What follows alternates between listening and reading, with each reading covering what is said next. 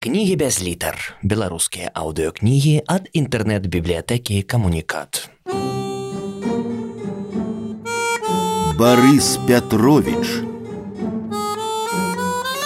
Наіўны дэтэктыў Гісторыя аднаго забойства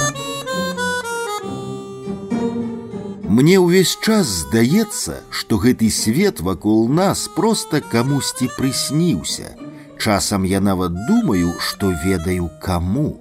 Але як толькі пачынаю канкрэтызаваць сваю здагадку, у мяне адразу з'яўляюцца першыя сумневы.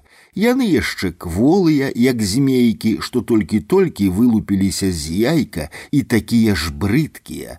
Таму я адганяю свае відзежы змейкі, мне прасцей працягваць жыць далей так, нібыта я ні пра што не здагадваюся, нічога не ведаю, і што сон гэта сон, а жыццё гэта жыццё. Звычайнае жыццё, да якога мы ўсе прывыклі і не заўважаем нават, што яно камусьці прыснілася. Пачалося ўсё з адной гутаркі, слухачом якой Антось стаў міжволі. Ён сядзеў у трамваі, звычайным менскім трамваі і ехаў дамоў. Ад камароўкі, побач з якой працаваў, да ягонага дома каля чыгуначнага вакзала можна было даехаць на метро. Па часе на трамваі было крыху даўжэй, але Антось не дужа любіў падземку і карыстаўся ёю толькі калі не было іншых магчымасцяў. Ён сядзеў, а побач стаялі дзве дзявулі і размаўлялі. Гаварылі шчыра, не шапталіся, але і не голасна, абсалютна не зважалі на тое, што побач ёсць іншыя людзі, якія могуць іх пачуць. Яны нібыта ўвогуле нікога не заўважалі. У нагах іх стаялі нейкія не чамаданы, як антосю падалося адразу, а музычныя інструменты, адзін большы, другі намнога меншы, але формай падобныя. Віяланчэль і скрыпка, здагадаўся ён. Дзявулі прыцягнулі ягоную ўвагу яшчэ на прыпынку, дзе яны разам чакалі трамвая, тым, што падаліся яму надта падобнымі, быццам блізняты. Аднаго ўзросту і росту перафарбаваныя ў бландынак і апранутыя, як сёстры ў аднолькавыя кароткія джинсавыя спаднічкі і цішоткі, якія розніліся толькі колерам, у одной светло-ружовая, а у другой светло-бэзавая. І галасы ў іх былі падобныя, звычайныя галасы маладзенькіх дзяўчатак. Аднак з пачутай размовы Антось ужо ведаў, што яны не блізняты, а студэнткі аднакурсніцы, якія разам здымаюць пакой у аднае бабулькі. Пра гэтую бабульку яны і гаварылі. Прычым няважна, што казала першая ці другая, бо яны не спрачаліся, а як бы дапаўнялі адна адну. Да бабулі сёння вечарам зноў прыйдзе Іван. Так, я таксама выпадкова чула ранкам, як яна з ім дамаўлялася. Як ён абрыт, пасля бабулі адразу да нас прэцца. Дастаў, а ўсяго ж нейкіх два-тры тыдні, як з'явіўся, а так упёкся, у пячонцы сядзіць блін. І адкуль ён узяўся, ды яшчэ гэтыя выхадкі джентльменскія, быццам ён замежнік нейкі, ведаю я такіх замежнікаў з пухавічаў. Не, сёння, калі ён зойдзе да нас, я яго, я яго проста нахабна праганю і ўсё, колькі можна натацыі слухаць. Ага, і я таксама так думаю, настаўнік, псіхолог, блін, знайшоўся, дарацца. Хай бабулька сама яго. Апошнія словы Антось не дачуў. Дзявулі засмяяліся, але смех іхні не сказаць, каб быў вясёлы. Міжволі зноў жа міжволі. Не затыкаць жа Антосю вушы ці не перасаджвацца, Ён зацікаўлены іхняй размовай, асцярожным бакавым зрокам больш уважліва і пільна прыгледзеўся да дзявуль і пазнаў іх.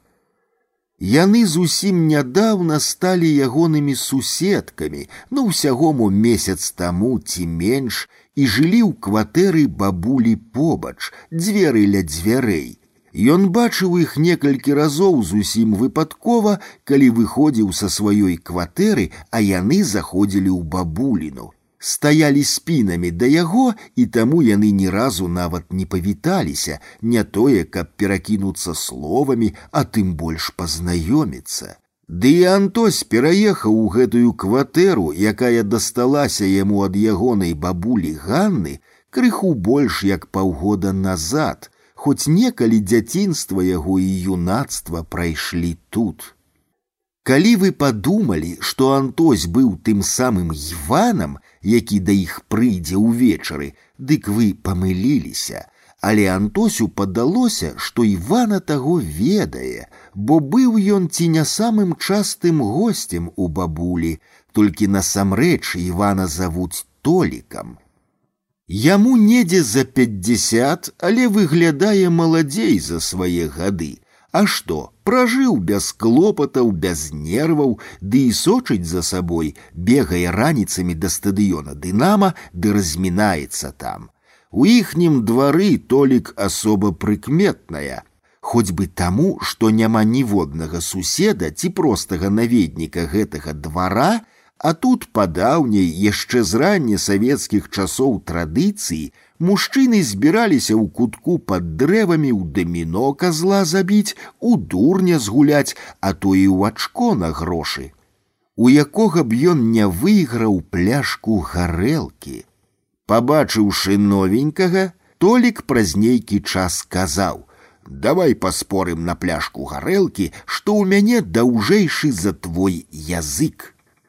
Спорыць ніхто не хацеў. Маўляў, калі прапануеш, дык вядома, даўжэйшы. І тады толік казаў: « А спорым я сваім языком да свайго вока дастану. Усе спынялі гульню і глядзелі, пагодзіцца новенькі ці не, ды яшчэ падзужвалі: Не, ну не можа такога быць, языком да вока, не, ніколі, да носа і то, не, ну ніяк. І новенькі, прыкінуўшы адлегласць ад толікавага роту да вока, пагаджаўся паспорыць. Тут жа перабівалі руку і, Толік зразумела перамагаў. Ён адразу высалапліваў свой язык да кончыка носа, і ўжо тады ён здаваўся аж занадта доўгім, а потым раптам пачынаў выпаўзаць з роту далей і далей, бы змяя з нары, поўз аж да вока і кранаўся ніжняга павека, адкуль толькі браўся, з часам пра толікаў язык ведала ўсё наваколле і выйграваць пляшку стала яму амаль немагчыма, хіба толькі ў зусім чужых, што выпадкова апыналіся ў іхнім двары. Варта сказаць, што толік і складзены быў неяк ненатуральна, бо і ўсё астатняе ў яго было непрапарцыйна доўгае: ногі, руки, пальцы, нос, а таму яго прымалі ў сябе па чарзе, нібыта цішком, незаўважна для іншых, амаль усе незамужнія жанчыны ды ўдовы гэтага двара. Было тое таямніцай, якую ведалі ўсе, гэтакі сакрэт палішынеля. Менскі двор, тым болей такі замкнуты, як антосеў, гэта вёска ў горадзе, дзе кожны кожнага ведае здаўна, асабліва старажылы, і ўтаіць нешта тут цяжкавата. Час ад часу жанчыны раўнавалі адна адную, калі да кагосьці толік пачынаў хадзіць часцей, па-за складзенай самой па сабе чаргой бываў тады лямант на ўвесь двор, а аднойчы Маша і халя адна адну за валасы пацягалі. За толіка, якога Маша падпойваць стала добрым каньяком. Апошнім часам толік асабліва полюбіў хадзіць да бабулькі, пра якую і размаўлялі дзявулі. Пабачыўшы і паслухаўшы іх гэтых дзявуль кватарантак і пачуўшы, Антось зразумеў, чаму Івана, то бок толіка цягне найперш да бабулькі суседкі, а не да іншых жанчын з іхнага двара. Бабульку суседку Антось добра ведаў яшчэ з дзяцінства, калі яны жылі тут усёй сям'ёй. Пераехаў адсюль ён з бацькамі, калі яму было гадоў 16, тата выкупіў новую кватэру, а ў гэтай засталася бабуля Ганна, ягоная маці.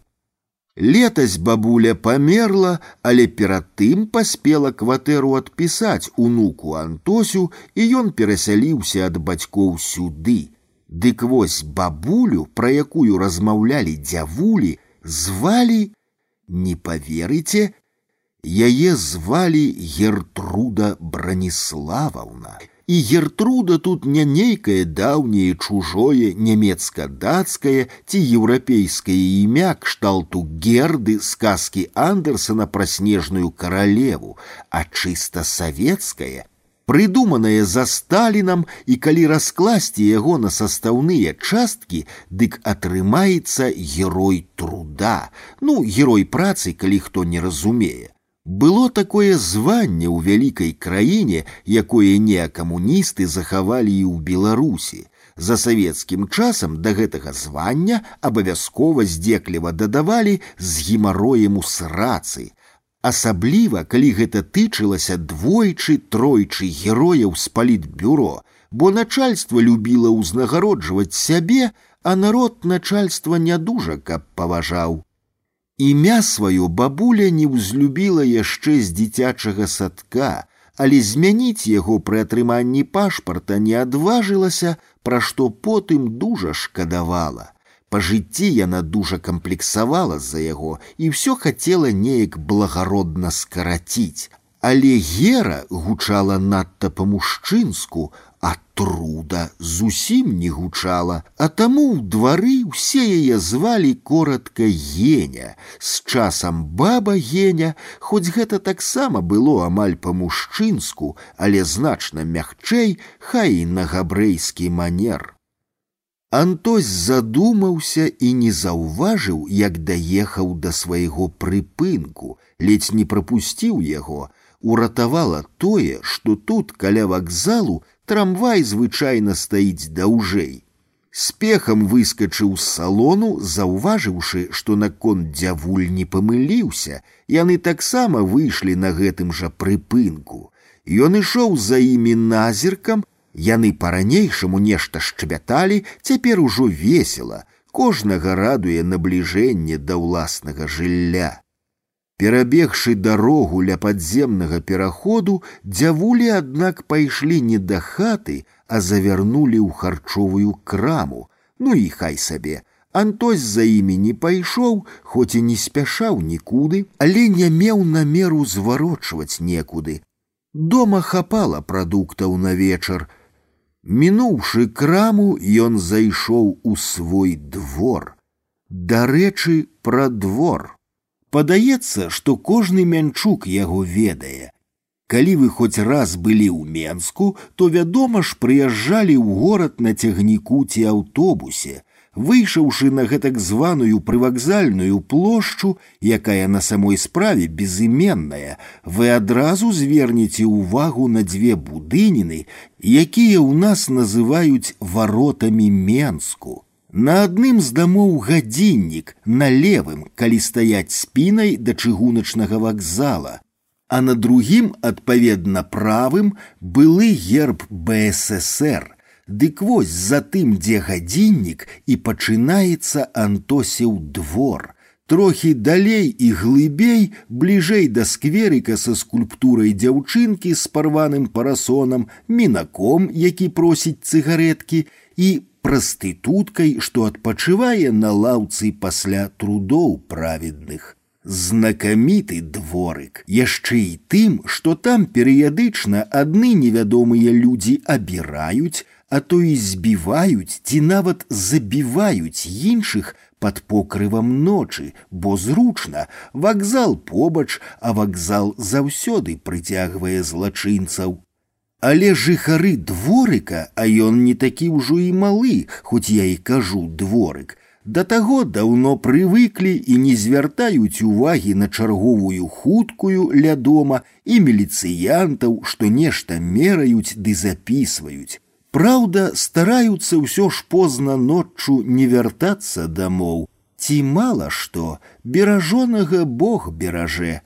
У іх свае клопаты, свае праблемы і свае героі, адзін з іх і ёсць той самы толік, пра якога Антось зноў згадаў, убачыўшы стол пад дрэвам і лаўкі, на якіх раней звычайна размяшчаліся гульцы ў даміно. Хоць быў і цёплы восеньскі вечар, цяпер ніхто там не сядзеў, мо яшчэ і таму, што вяртаўся Антось ужо ў прыцемках. Дарэчы, нягледзячы на апошні тыдзень верасня, у Менску стаяла такая цяплынь, якой не было і ў дажджлівым ліпені, і Антось нават трохі ўспацеў, хоць і быў апрануты ў лёгкую кашулю тэніску. Так, ён зноў згадаў пра толіка. Толік нарадзіўся тут, у гэтым двары, мянчук у другім калене. Адкуль дакладна бацькі ягоныя Антось не ведаў, недзе з лагойшчыны здаецца, Прыехалі ў Менск вучыцца, пазнаёміліся, пабраліся і з часам ад нейкага завода атрымалі кватэру ў іхнім доме. Але жыве толік цяпер адзін, бацькі памерлі, а сам так і не прыжаніўся. Такім чынам толік быў карэнным мінчуком у адрозненне ад той жа бабы гені, якая большую частку жыцця пражыла ў Казахстане, куды бацькі яе нечакана пераехалі па закліку хрушчова асвойваць цаліну. Антосева бабуля Ганна казала яму неяк, што не па сваёй волі яны туды паехалі, што вымушана пасля разаблачэння Сталіна, а мо і па працы, а вярнуліся на Беларусь з дачкою гертрудай і яе мужам толькі паміраць, калі рускамоўных у Казахстане добра такі цісканулі мясцовыя патрыёты. Толік двор свой не пакідаў нават на дзень за жыццё, нікуды не ад'язджаў і ў войска яго па нейкай прычыне не ўзялі. Бегаў тут у школу, потым скончыў прафтэхвучылішча і працаваў у жэсе, што, дарэчы, давала яму магчымасць хадзіць па кватэрах вядомых яму жанчын, нібыта па працы.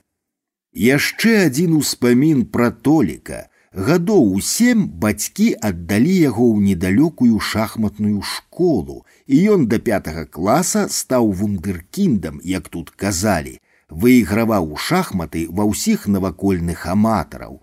А трэба сказаць, у 70-тыя гады шахматы ў Менску былі досыць папулярнымі. Прычым гулялі тады ў парках ды скверыках на інтарэс, пад дошку клалі дамоўленую суму, па рублю па два і болей. І той, хто выйграваў, грошы забіраў. Калі толік падрос і стаў кандыдатам у майстры спорту, гуляць з ім мала хто пагаджаўся. Потым у прафтэхвучылішчы у яго з'явіліся іншыя зацікаўленні і шахматы ён закінуў. Але слава пра яго як пра выдатнага шахматыста, а цяпер і карцёжніка у двары жыла. Аднак, падумаў Антось, нешта я зашмат увагі яму надаю зачапіўшыся за імя, якое не прагучала нават у размове дзяўчат. Між тым ён ужо быў каля свайго дома, абмінуў хуткую, што стаяла амаль каля пад'езда, яны звычайна тут спыняліся, калі нешта ў двары здаралася, і пачаў падымацца на свой паверх. Ужо з першых крокаў па лесвіцы Антось адчуў, што нешта тут не так. Нейкая не такая, як звычайна, стаяла ў пад'ездзе цішыня.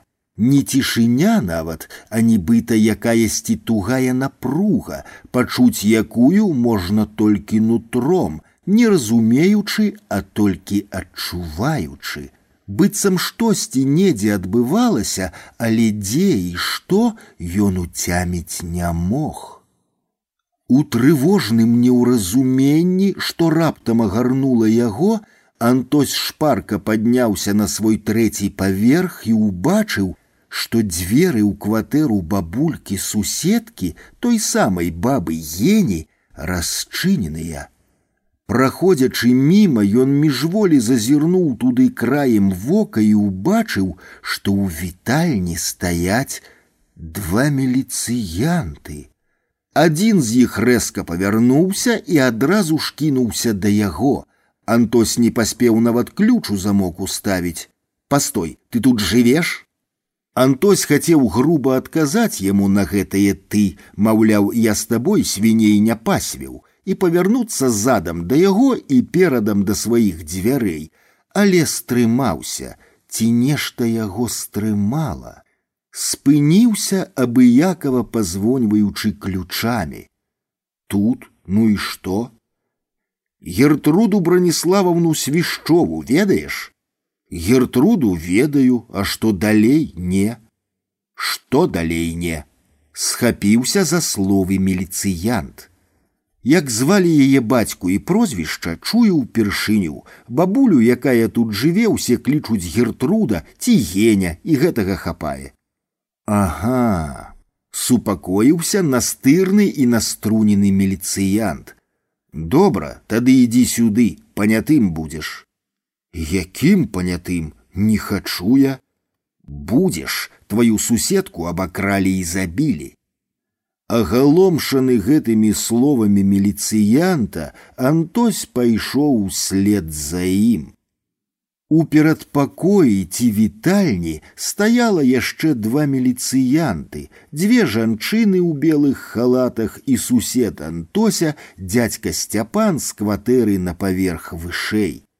Вам можна быць вольнымі, сказаў адзін з міліцыянтаў капітан жанчынам у бардовых штанах і куртачках з накінутымі на плечы белымі халатамі. Антось зразумеў, што гэта былі дактары з хуткай дапамогі. Тыя аблегчана ўздыхнулі і глыбока выдыхнуўшы выйшлі. Вы з восьмай спытаў у Антося капітан. Так, будзеце панятым. Антось кіўнуў, а што было рабіць? Папаўся, а мог жа зайсці ў краму ці ў кнігарню па дарозе завярнуць і пастаяць там да закрыцця, гартаючы кнігі, якіх не дакупіцца з ягоным заробкам. Тады б дзяўчаты апярэдзілі яго ў панятыя. Дзяўчаты ў панятыя? Не, яны ж тут жылі. Таму, Пэўна, яны трапяць у першыя падазраваныя, бо ці мала які канфлікт з бабулею у іх мог быць. Так падумаў Антось і адразу ж сябе супакоіў. Дзяўчаты зараз прыйдуць і мяркуючы па іхніх паводзінах, тое, што здарылася для іх таксама будзе сюрпрызам.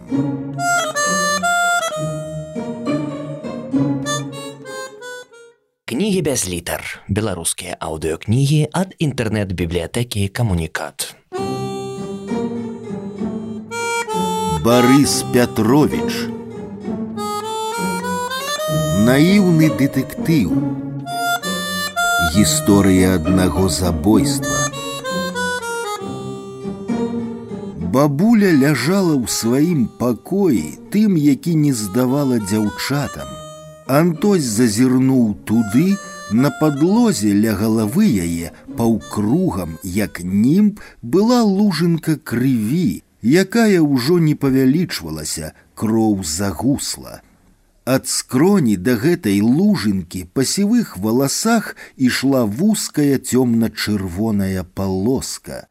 Вочы былі заплюшчаныя, і каб не кроў, можна было падумаць, што бабуля спіць відавочна што раптам загаварыў капітан да сваіх падначаленых дзверы забойцу яна адчыніла сама бо слядоў злому няма значыць яна ведала яго помаўчаў так але ж хто тады выклікаў хуткую паглядзеў уважліва на прысутных усе міжволі паціснулі плячыма і дядька сцяпан таксама Сама? Не, сама яна не магла. Капітан разважаў сам з сабою. Хуткая выклікала нас, а хто яе? Трэба праверыць. Ну, таварышы, праходзьце сюды. Пачалася нудная працэдура, у якой Антось удзельнічаў у якасці панятога ўпершыню. Апісанне даволі беднага на рэчы пакою бабулі, шафа, канапа, фатэль, два крэслы, стол на стале, і тут рабочы абыякавы голас міліцыянта, які дыктаваў пратакол абстаноўку, спыніў раптоўны пранізлівы ўскрык здзіўлення. То прыйшлі тыя самыя дзяўчаты кватаранкі, убачылі расчыненыя дзверы і міліцыянтаў. А гэта што яшчэ такое? Капітан здзівіўся. Хто вам дазволіў сюды зайсці, а ну-ка пашлі вон адсюль. «Не, стойте! А вы кто?» «Мы живем тут». «Обана!» — здзівіўся капітан. «Тады заходзьце».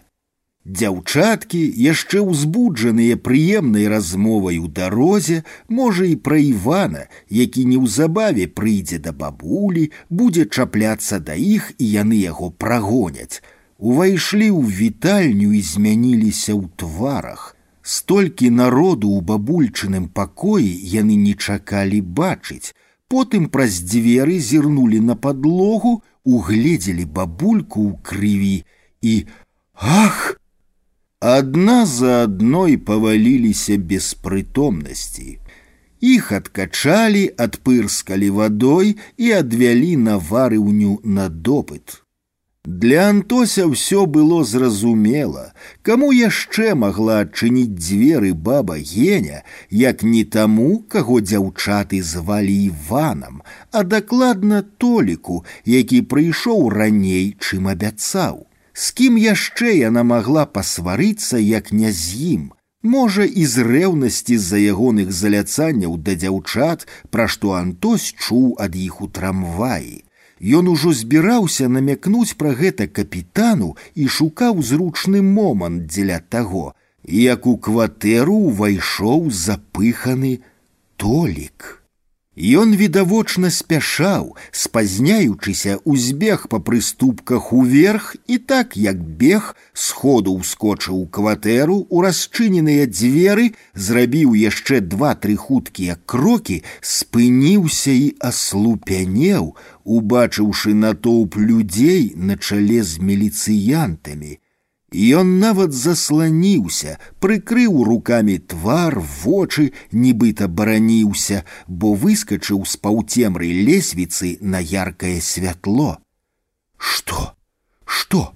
Што тут здарылася? Залепятаў ён.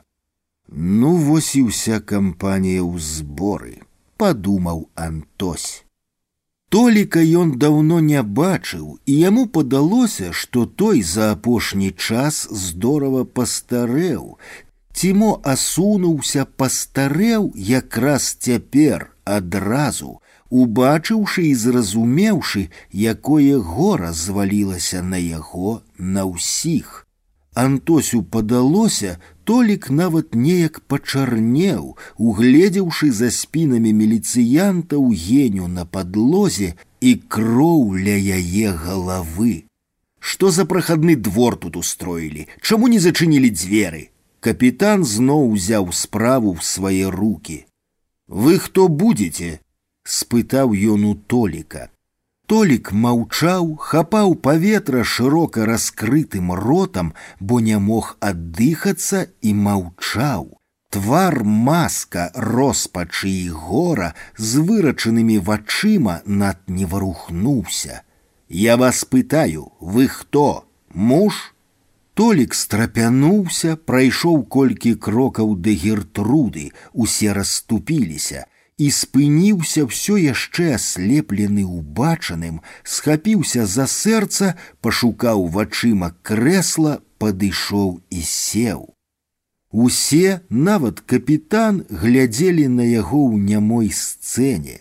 Сеўшы толіка гледзеўся і нібыта толькі цяпер зразумеў, што пытаюцца менавіта ў яго.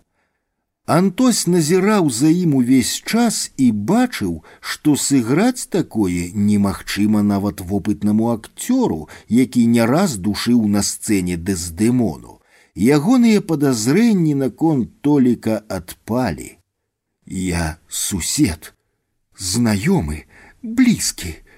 Часта тут бываю. З паўзамі, як сардэчнік загаварыў толік. Ён сусед. Наперабой пацвердзілі дзяўчаты, якія ўжо выйшлі з варыўні і стаялі каля дзвярэй у бабулін пакой. Ён часта ў нас бывае. Так і сказалі, адзначыў Антось для сябе. У нас бывае. Сядзіце пакуль, сказаў капітан Толіку. Дойдзе і да вас чарга, а нам трэба давяршыць справу і скамандаваў міліцыянтам працягваем. Так, усе антосевы падазрэнні адносна толіка адпалі. Злачынца, канечне, можа вярнуцца на месца забойства, але не дзеля таго, каб гэта кумела сыграць нявіннага. Ды і навошта? Антось паглядзеў, як ляжала баба геня і падумаў, а можа, яна сама падкаўзнулася ды няўдала упала, ударылася аб рог стала і забілася. Узрост сэрца хапанула, галава закружылася, страціла прытомнасць, ці шмат трэба ў яе ўзросце. Вунь дзяўчаты і то не вытрымалі, асунуліся. Антось паціху падышоў бліжэй да бабулі, каб разгледзець яе. Так, рана была адна і на галаве, якраз на самым слабым месцы скроні. Іншых ран ці плямаў крыві нідзе на адзенні на целе не было відаць, але стол і рог яго ад бабулі былі далекавата, і паблізу нічога такога, аб што можна было ударыцца няма. Толькі скураная канапа, на якой яна спала, і скураны шмяккі фатэль каля стола. На столе телефон, нейкія паперкі з запісамі, пара нататнікаў, далей ваза са свежымі кветкамі, ружамі, тры штукі. Кветкі былі сапраўды свежымі, можа і не сённяшнімі, але свежымі. Ага, нехта ж выклікаў хуткую. Ці не той, хто кветкі прынёс. Значыць, усё ж не сама забілася, Невыпадковасць гэта, Нехта быў з ёю, і той нехта мог штурхануць яе ці ударыць. Злачынцу ўсё ж давядзецца шукаць, але тут зноў пытанне: Навошта ён злачынца тэлефанаваў хуткую, не хацеў яе смерці, думаў паспеюць уратаваць, аднак сам уцёк, збег спалохаўся, А можа, проста нехта ішоў паўз дзверы, якія злачынец пакінуў расчыненымі, зайшоў у кватэру, убачыў бабу геню ў крыві, выклікаў хуткую, а сам сышоў ад граху далей і ад лішніх клопатаў. Пытанняў было шмат, і падазраваных будзе не меней, падумаў Антось. Антось пачаў згадваць тых, каго яшчэ апроч толіка часта бачыў ля дзвярэй кватэры бабулі. Побач з іхнім дваром ці іхнім домам знаходзіцца універсітэт, корпус хімічнага факультэту дык і зусім блізка, проста праз вуліцу, і Антось часта бачыў, як да бабулькі прыходзілі маладыя людзі, студэнты, ён так думаў, па адным, па двое, не больш. Спачатку ён меркаваў кавалеры дзяўчат, што здымаюць у бабулькі пакой. Потым іхнія аднакурснікі, калі заўважыў, што прыходзяць не адны і тыя ж хлопцы, а розныя, але аднойчы праз прыадчыненыя дзверы пачуў размову пра грошы.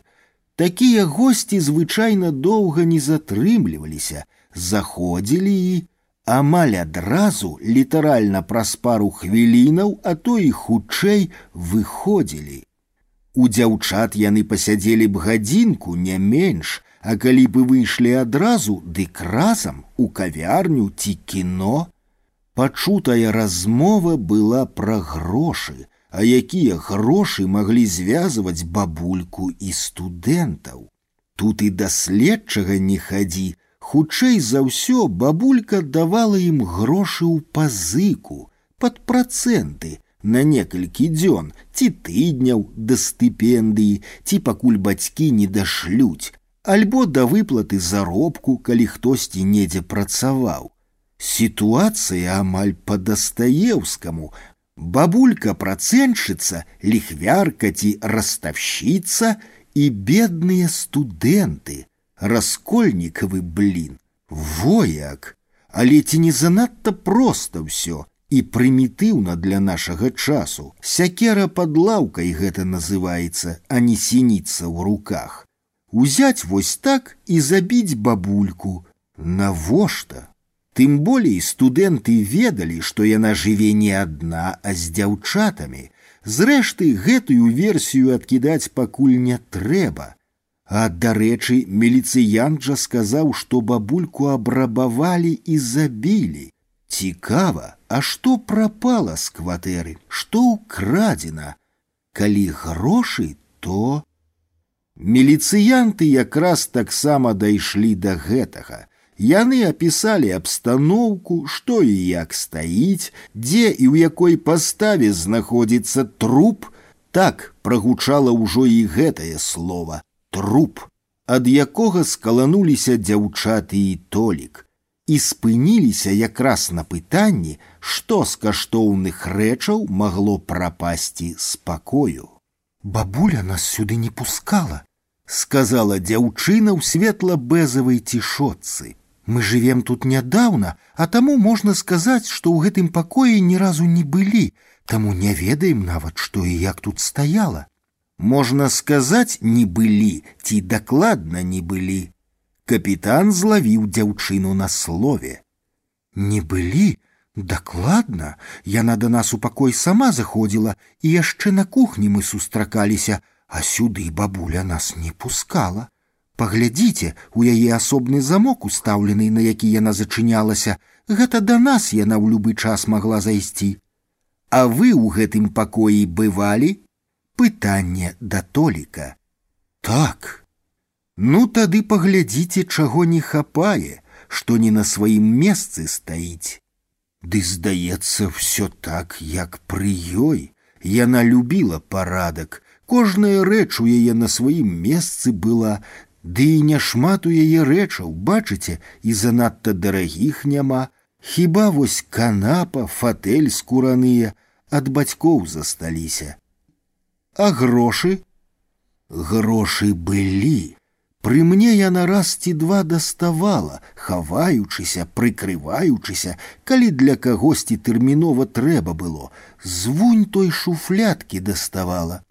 Толік кіўнуў у бок шафы, у якой і была адна шуфлятка пасярод. Яна без ключа ў яе, паглядзіце. Капітан падышоў да шафы, праз насоўку акуратна ўзяўся за краёк ручкі шуфляды і шырока на ўсю глыбіню адчыніў яе. Усе ахнулі, убачыўшы, што яна амаль да краёў поўная грошай, акуратна складзеных па колерах купюраў у пачкі, пераціснутыя гумкамі. Крыху збоку на іх ляжаў такі ж акуратны маленькі чорны нататнічак, мяркуючы па ўсім, нічога адсюль не было ўзята. Зрэшты, ніхто ж і не ведаў, колькі і чаго там было. Капітан быў уражаны не менш за іншых. Грошы заўсёды здзіўляюць, асабліва вялікія. Дзяўчаты, якія, відаць, ніколі не раскашавалі, Пэўна і не здагадваліся, што бабулька, якая ўвесь час ходзіць у старым, не раз цыраваным халаціку, якая ніколі не гатавала сабе навары ў не нешта з мяса і ўсё скардзілася ім на беднасць, трымае ў сябе такое багацце. Не тое, каб не здагадваліся, а нават неяк і не задумваліся пра тое, дапамагае студэнтам, дык які там доход. Паказная беднасць бабы гені і наяўнае багацце неяк не ўкладваліся ў галаве і ў антося. Думкі заходзілі ў тупік. Следчы з мяне відавочна ніякі, падумаў ён. Хоць калі разважыць, паказная беднасць якраз заўсёды і суправаджае сапраўднае багацце, як пішуць пра якога-небудзь з ротшильдаў ці ракфеллераў.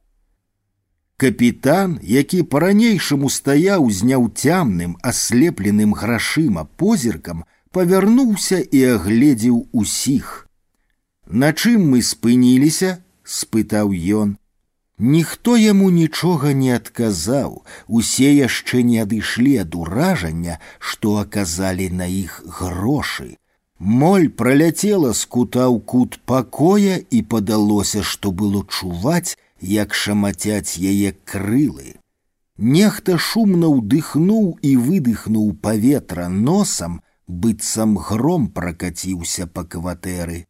Далейшую працэдуру не варта падрабязна апісваць, яна была стандартнай. Цікавым быў хіба падлік грошай. Іх аказалася некалькі дзясяткаў тысяч і ніводнага даляра ці еўра, толькі беларускія што было дзіўна, Няўжо бабуля не давярала капіталістычным грашам, ці проста ненавідзела іх і не прымала.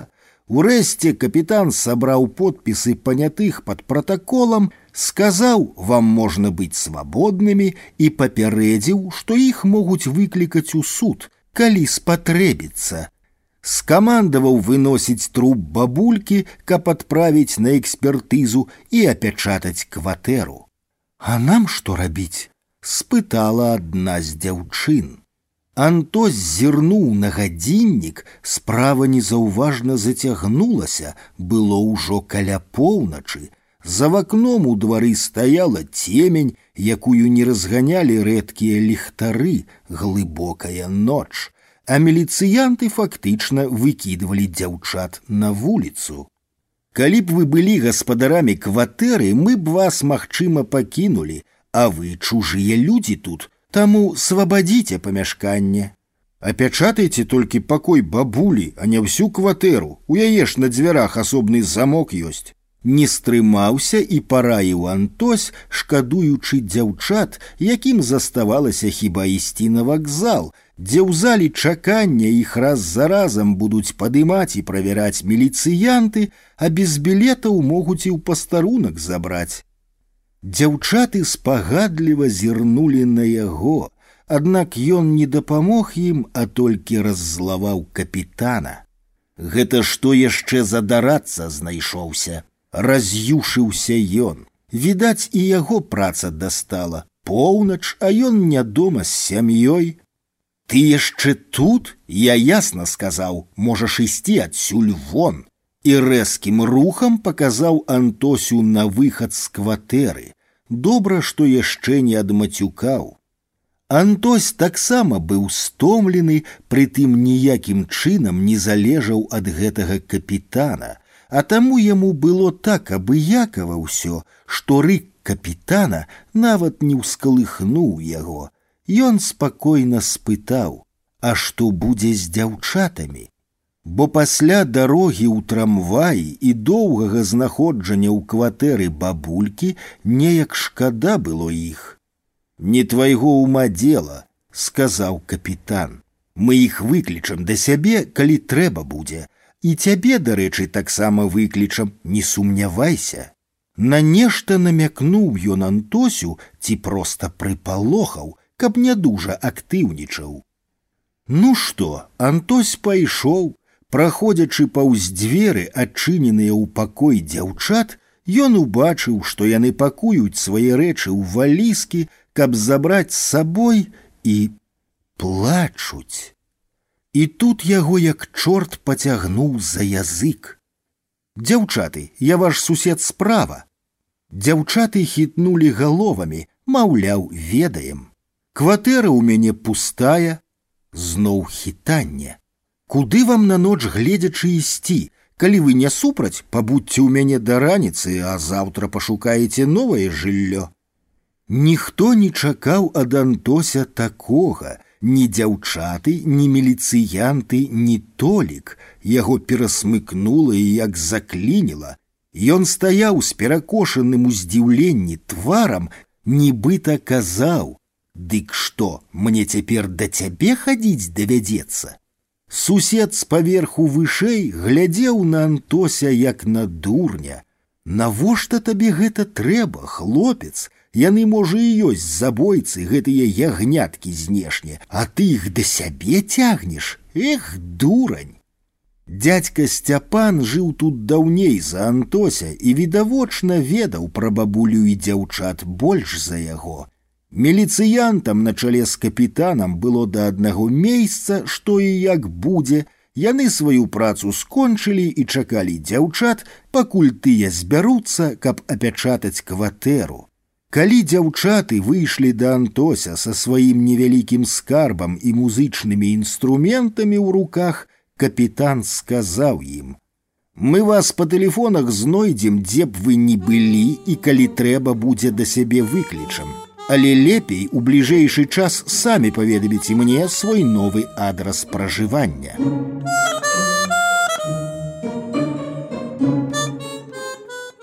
Кнігі без літар. Беларускія аўдыокнігі ад інтэрнэт-бібліятэкі камунікат. Барыс Пятрович Наіўны дэтэктыў Гісторыя аднаго забойства. Кватэра ў Антося была амаль такая ж, як і ў бабулі Ені, толькі на пакой большая і можна сказаць на выварат, люстэркава. Ягоныя вары ў няй бабуліна былі праз сцяну. Прыбіральня і лазенка таксама, а далей былі пакоі, прычым трэці, самы дальні, быў запрахадным і як бы дадатковым. Тыя два пакоі ў Антося амаль заўсёды пуставалі.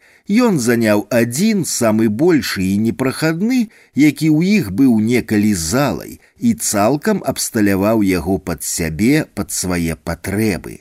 Іншыя не чапаў, яны засталіся такімі ж, як і былі пры бабулі, з усімі яе рэчамі, шафамі ды канапамі і ў іх хіба толькі зрэдку заставаліся начаваць ягоныя сябры, калі позна заседжваліся ці трохі перабіралі з выпіўкай. Адзін з гэтых пакояў ён і выдзеліў на ноч дзяўчатам. Там стаяла канапа ягонай бабулі, на якой дзяўчатам будзе зручна ўладкавацца. Пагадзіліся яны пайсці да Антося, пэўна, не толькі таму, што падзецца ім не было куды і стома ногі падкошвала, але і таму, што іх было двое, а дваім заўсёды смялей, адна не пайшла б начаваць да практычна незнаёмага хлопца.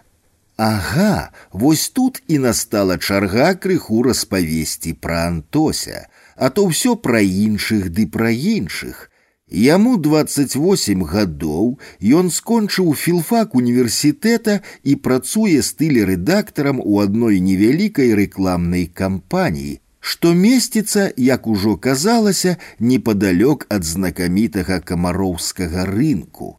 У трох пакаёўцы, якая яму дасталася, таксама пра гэта ўжо сказана, ад бабулі Ганны ён жыве адзін – Жанаты быў і бацькоў яшчэ не зусім старых мае. Мама і тата жывуць недалёка на нямізе. А жонка пабыла ягонай жонкай роўна месяц і яны развіталіся. Хоць гэта быў не грамадзянскі шлюб, як цяпер модна, а звычайны з распісваннем у ЗАГсе і даволі шумным вяселлем у рэстаране гатэля Менск, што называецца сёмае неба. Чаму яны разбегліся, калі сказаць проста і банальна, без залішняга тлумачэння не сышліся характарамі, так патлумачылі ў суде. Вам гэтага досыць? Не. Тады варта сказаць, што Антось заспеў яе за здрадай з ягоным цяпер ужо былым сябрам, які потым не стаў ейным мужам Было так. Антось крыху затрымаўся на працы, а сябар прыйшоў да іх на кватэру, якую яны тады здымалі трохі раней, чым звычайна. Як там яны з антосевай жонкай змовіліся, гэта неістотна, важны сам факт, ён заспеў іх у ложку. А таму жыць з ёй Антось далей не стаў, хоць яна і каялася і абяцала, што такое больш ніколі не паўторыцца. Антось не поверыў, і то ягоная праблема. Пасля гэтага ён зарокся жаніцца, і калі былі ў яго сяброўкі, дык толькі як сяброўкі, альбо, як цяпер зручна казаць, у іх быў грамадзянскі шлюб, які нікога ні да чога не абавязвае. Просто дзяўчаты жылі з ім нейкі час, адна месяц, другая крыху больш за год, а третья апошняя, якая ад яго зусім нядаўна з'ехала, амаль паўгода ўжо тут у гэтай кватэры. Дзяўчаты дзялілі з ім усё, пачынаючы з ложка і заканчваючы ранішняй яечняй кубачкам кавы ці шклянкаю малака але ніколі на нешта большее не прэтэндавалі і разыходзіліся без крыўдаў, як толькі пачыналася размова пра штампіку пашпарце. Антос рваў адносіны рэзка і без доўгіх тлумачэнняў. Вось такім нягоднікам ён цяпер зрабіўся. Ці надоўга невядома, бо пра сям'ю думае і пра дзяцей мажлівых таксама, Тут Антос не зусім сучасны чалавек, а хутчэй прытрымліваецца старых адвечных традыцый. Але вырашыў спяшацца не будзе, усяму свой час адзін раз ужо апёкся. Што яшчэ цікавае пра Антося распавесці? Ага, ён карэнны мянчук, і бацька ягоны зразумела быў мінчуком, і маці, і дзед, і прадзед, і прапрадзед. Тут ёсць чым ганарыцца, бо карэнных мінчукоў мінімум у пятым, як антось калене, можна пералічыць, калі не па пальцах, дык па імёнах і спыніцца на другой ці трэцяй сотні, а мо і хутчэй.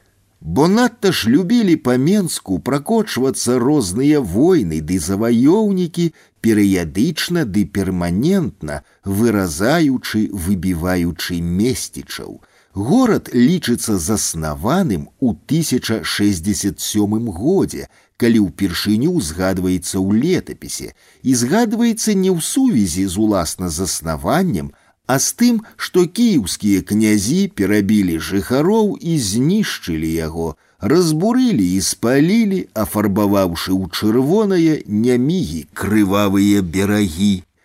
Вось так абсурдна гістарычна склалася, днём заснавання Менску лічыцца дзень яго знішчэння. Антось зразумела не ведаў, ці жылі тады ягоныя продкі недзе тут, мой жылі, але ад бацькі яму засталіся ўспаміны толькі пра дзядоў да пятага калена. І ці нарадзіўся ягоны продак па мячы ў шостым калене ў Менску, Ці прыйшоў аднекуль сюды, мо нават і не з беларускіх земляў, яму тое невядома. Бо падчас войнаў знішчаліся не толькі людзі і будынкі, але і розныя дакументы. Бацька Антося, дарэчы, спрабаваў зазірнуць у глыбіню вякоў, але не змог раскапаць радавод далей пятага калена, хоць і быў паважаным чалавекам, прахвесарам, як казала пра яго бабуля Ганна, але няздзекліва казала, а з павагай мой прахвесар. Бацька не выкладаў, а працаваў у адным з навукова-даследчых інстытутаў пры акадэміі навук. Мама Антося працавала ў гарвы канкамі ў нейкім аддзеле, здаецца, жыллёва-камунальным. Антось не дужа цікавіўся той назвай: гарвы канкам ды гарвы канкам тым болей і сама назва аддзела колькі разоў змянялася, ды і маці пераходзіла на працу ў іншыя. Гэта ён у іх вырас такім лабідудам, зноў бабуліна слоўка. Не тое, каб зусім няўдаліцай, не, Проста, як гэта часта бывае, нагледзеўшыся і наслухаўшыся ў дзяцінстве, што казалі пра сваю працу тата і мама, не захацеў ісці па іхніх сцежках, дужа слізкімі ды брыдкімі яны яму падаліся. Універсітэт, праўда, скончыў, вымучыў пяць гадоў дзеля бацькоў, каб не скарачаць ім рэзка жыццё і не заганяць у старасць так хутка. Але ў магістратуру і далей у аспірантуру не пайшоў. Па прафесіі сваёй настаўніцкай і дня не працаваў, не захацеў, бо сам школу яшчэ добра памятаў і настаўнікам сябе не ўяўляў.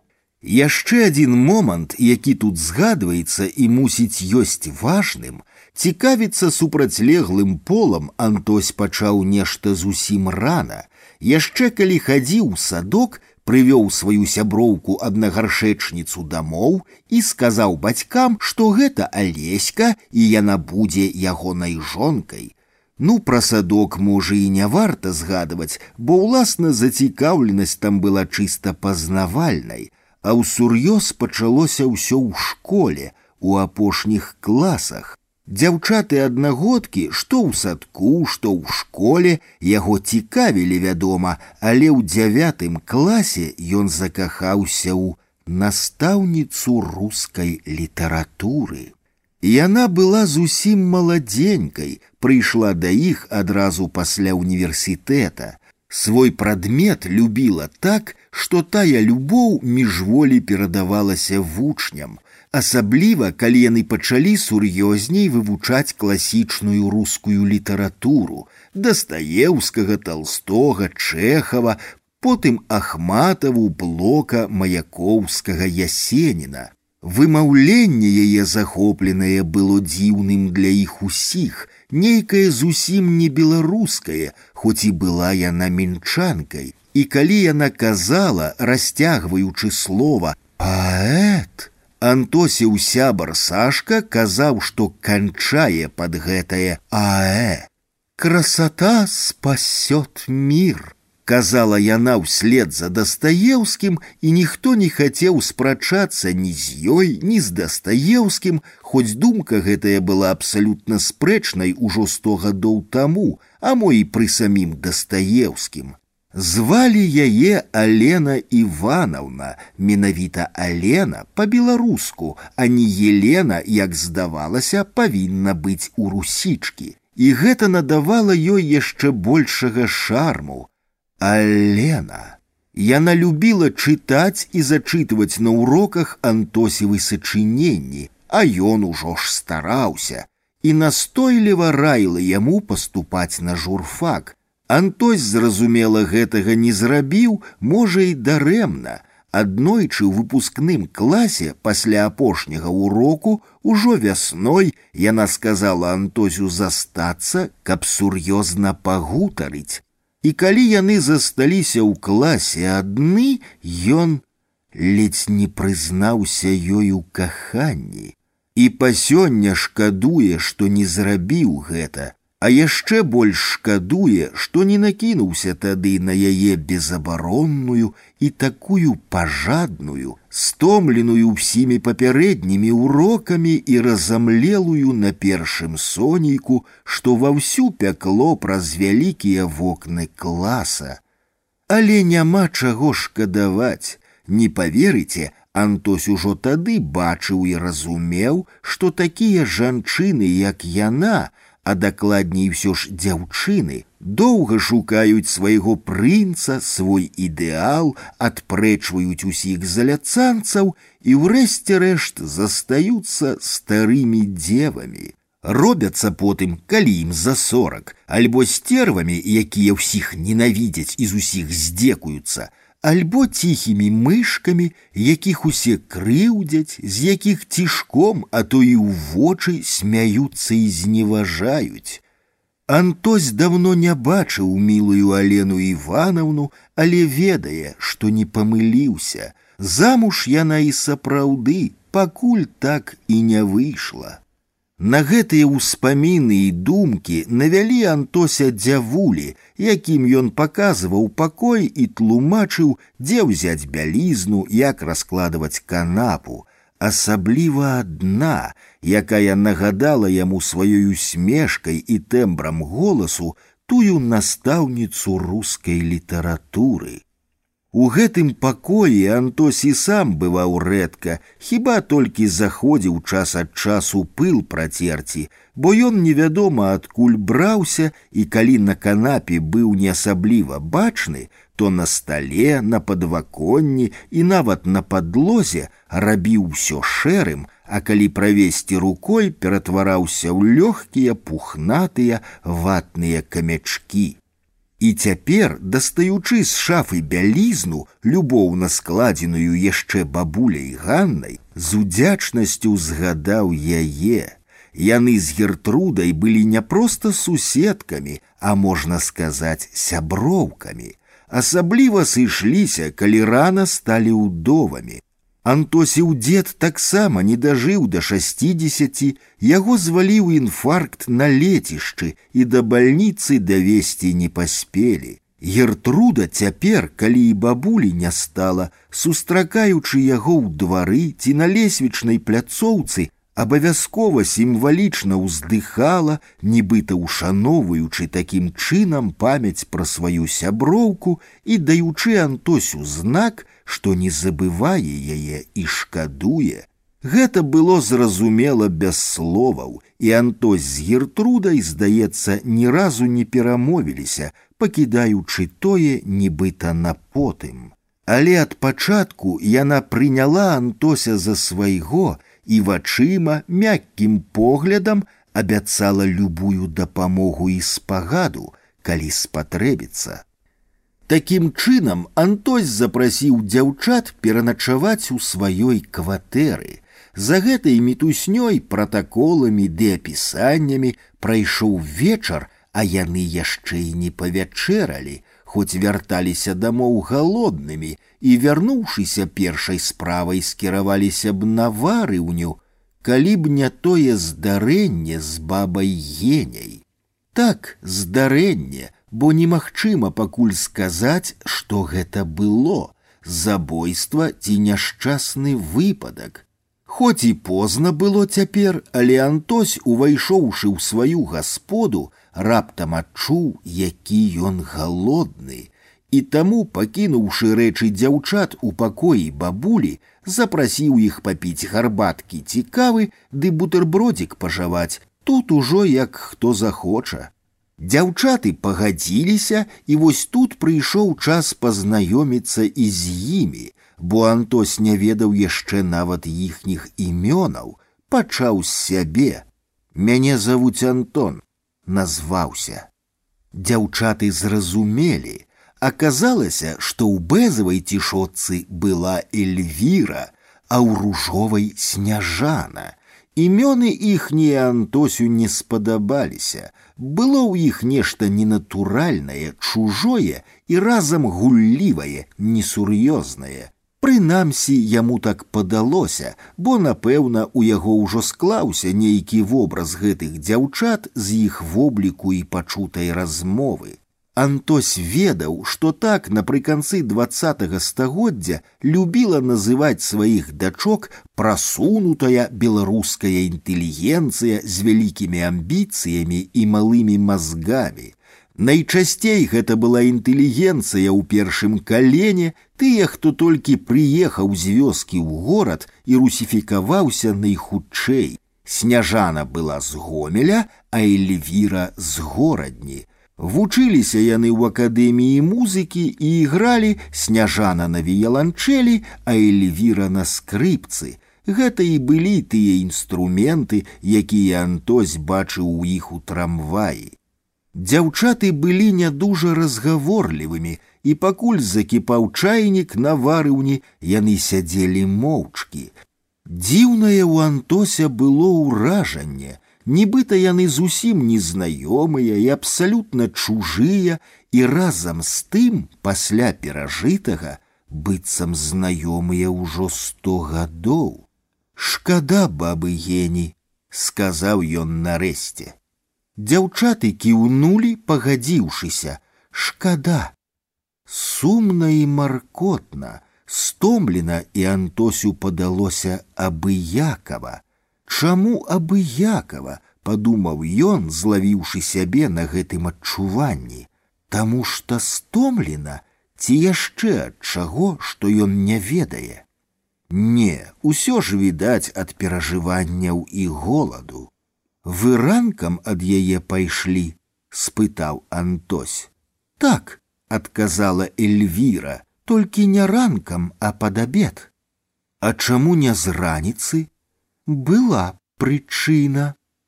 Неахвотна выціскаючы з сябе словы, адказала Эльвіра. Што ж, не хочаце гаварыць ваша справа, падумаў Антось, але працягваў. Мяркуючы па ўсім, забойства адбылося ў дзень у другой палове, у вас няма ніякіх падазрэнняў. Ой, давайте не будзем пра гэта. Раздражнёна прамовіла тая ж Эльвіра. Хай міліцыя разбіраецца. Ды яна разбярэцца, але ж вы разумееце, што сярод падазраваных будзеце і вы. У вас алібі ёсць. Што? Алібі? Навошта? Мы тут прычым, нам-то навошта апраўдвацца. Дапусцім, што ні пры чым, але вам давядзецца даказаць гэта капітану ці іншаму следчаму, які абавязкова вас спытае, дзе вы былі ў гэты дзень і ў гэты час. Ды пыталі ўжо там, на кухні. Мы як пайшлі ад бабулі, увесь час былі на рэпетыцыі, апошняй перад генеральнай, перад прагонам. Мы нават на абед не хадзілі, перакусілі бутэрбродамі, што з сабой узялі, увесь час былі на людзях, пацвердзіць лёгка. Гэта добра, а ехалі на трамваі вы адкуль, не з акадэміі ж музыкі. Ой, сапраўды, мы ўвечары трохі ў пераходзе пайгралі на Якуба коласа. Далей Антось распытваць не стаў і без таго расхваляваў дзяўчат. Зрэшты, не, спытаў яшчэ. Вы што будзеце, гарбату цікаву, бо электрычны чайнік гучна пстрыкнуў і адключыўся я з'ела б чаго-небудзь больш істотнага сказала сняжана якая дагэтуль маўчала і пайшла ў вітальню дзе пакінула цэлафанавы пакет з нечым не ўзяла яго ў пакой з ежай здагадаўся антось пакет той з ежай яны ж зайшлі ў краму таму і прыпазніліся ён не памыліўся праз колькі хвілінаў яны сядзелі за сталом, які можна было б назваць халасцяцкім, бо ўсё на ім было крамнае, а не гатаванае дома. Сёе тое дастаў з лядоў не антось, астатняе знайшлося ў дзяўчат. Але для буціка мелася ўсё патрэбнае: і хлеб, і масла, і каўбаса, і сыр. Ой, сказала раптам Эльвіра, а міліцыянты ж, выходзячы ўсё адключылі, здаецца, і халадзільнік таксама, а там столькі прадуктаў, яны ж усе прападуць і за смярдзяцца на ўвесь пад'езд. Нічога, скажыце гэта следчаму, і яны выкінуць усё, супакоіў яе Антось. Калі мы скажам яму, ды неўзабаве, вы думаеце, ён без вас будзе доўга сумаваць? Размова і без таго не дужа жвавая далей перацякла ў маўклівае жаванне. Кожны думаў пра сваё. Потым дзяўчаты зачыніліся ў адведзеным ім пакоі і доўга там пра нешта шапталіся. Антось хоць і чуў гэта, аднак ні слова разабраць не мог. Ды і не ўслухоўваўся ён, навошта яму гэта, адвярнуўся да сцяны і заснуў.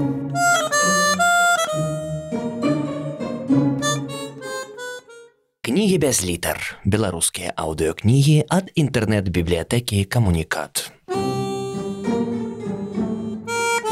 Барыс Пятрович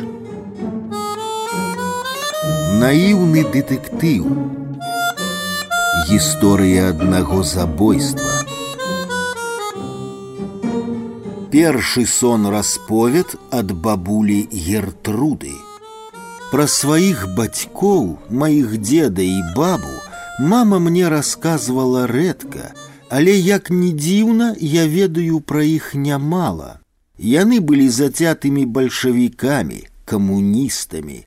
Дед хоць і быў тады зусім маладзенькім, паспеў паваяваць у грамадзянскую за чырвоных, з таго і пачаўся ягоны ўзлёт па вайсковай лініі.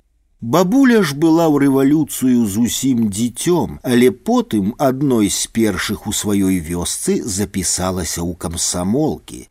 Яны сустрэліся, калі бабуля прыехала ў Менск і паступіла на рабфак. Дед працаваў тады ўжо тут у ГПУ, Перад тым ён пабыў чонаўцам, а потым чэкістам. Падрабязнасцяў ягонай службы гэтага часу я не ведаю.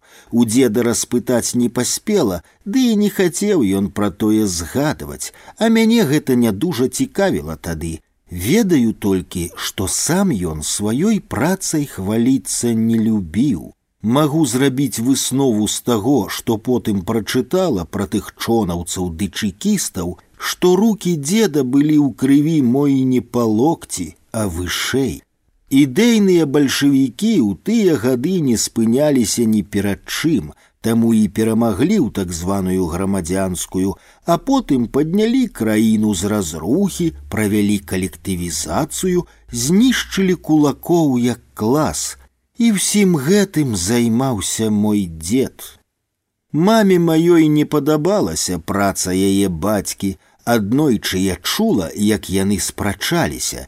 Я зусім маленькая была і не разумела, за што мама папракае такога добрага деда, які так любіць гуляць са мной, жмякаць і ўсяляк песціць цукеркамі марожаным. Мама казала деду, ці не сняцца табе тыя, у каго страляў. А дзед адказваў, што рабіў гэта дзеля вялікай справы, і ўвогуле ён сялянаў, а селянін, калі вырывае пустазелле на сваім полі, дык не задумваецца і не шкадуе, бо ведае, дзеля чаго тое робіць. Пэўна, вось з-за гэтага дзедавага параўнання людзей з пустазеллем я і запомніла тую гутарку. Пабраліся бабуля і дзед у 1932 ці 33 годзе, дакладна не ведаю. І неўзабаве деда з Беларусі перавялі служыць на поўнач, спачатку ў Ленінград, а потым яшчэ паўночней. Вось адсюль я ведаю трохі болей. Бо ў хуткім часе ў бабулі нарадзілася дачка, моя мама. І яна мне расказвала пра сябе і сваіх бацькоў трохі болей, Можа, таму і расказвала, што з'явілася яна на свет пры цікавых абставінах, у якія цяжка паверыць. Але мне падаецца, што такое прыдумаць немагчыма, ды і навошта прыдумляць. Зрэшты, мне цяпер застаецца толькі верыць гэтай сямейнай легендзе, бо перапытаць няма ў каго і пераправерыць няма дзе. Мама моя нарадзілася на адным з караблёў у моры карскага. Ёсць такое каля паўночнага ледавітага акіяна ці ў самім акіяне не ведаю, як сказаць. Карабель, на якім яна была, ішоў услед за ледаколам і вёз у сваіх трумах больш за тысячу зняволеных. Дед быў адным з кіраўнікоў камандзіраў, чырвонаармейцаў наглядчыкаў гпушнікаў якія ахоўвалі гэтых зэкаў сярод якіх большасць былі рэпрэсаваныя як мама казала незаслужана у асноўным інтэлігенцыя вучоныя настаўнікі пісьменнікі ўрачы так было ў тыя гады не данёс ты данеслі на цябе і падзялілі тваё майно, занялі тваю кватэру, пакуль нехта іншы не здаў даносчыка і яго самога ноччу варанок не забраў. Так было паўсюль па ўсёй вялікай краіне, асабліва сярод інтэлігенцыі ды начальства. У Менску на цэнтральнай тады вуліцы савецкай у некаторых кватэрах гаспадары ледзь не па пяць разоў памяняліся. На тым караблі дзед быў, здаецца, камісарам, а можа і не, не ведаю, але тое, што адным з начальнікаў дакладна, бо толькі ім дазволілі ўзяць з сабою жонак. Жанчын на караблі было няшмат, і сярод іх акрамя маёй бабулі цяжарная яшчэ адна. Цяжарнасць сваю яны схавалі, каб паехаць з мужамі. Інакш бы іх не ўзялі, усё ж поўнач і невядомасць суцэльная адносна быту, бо там, куды яны плылі, не было яшчэ нічога апроч палатак для начальства.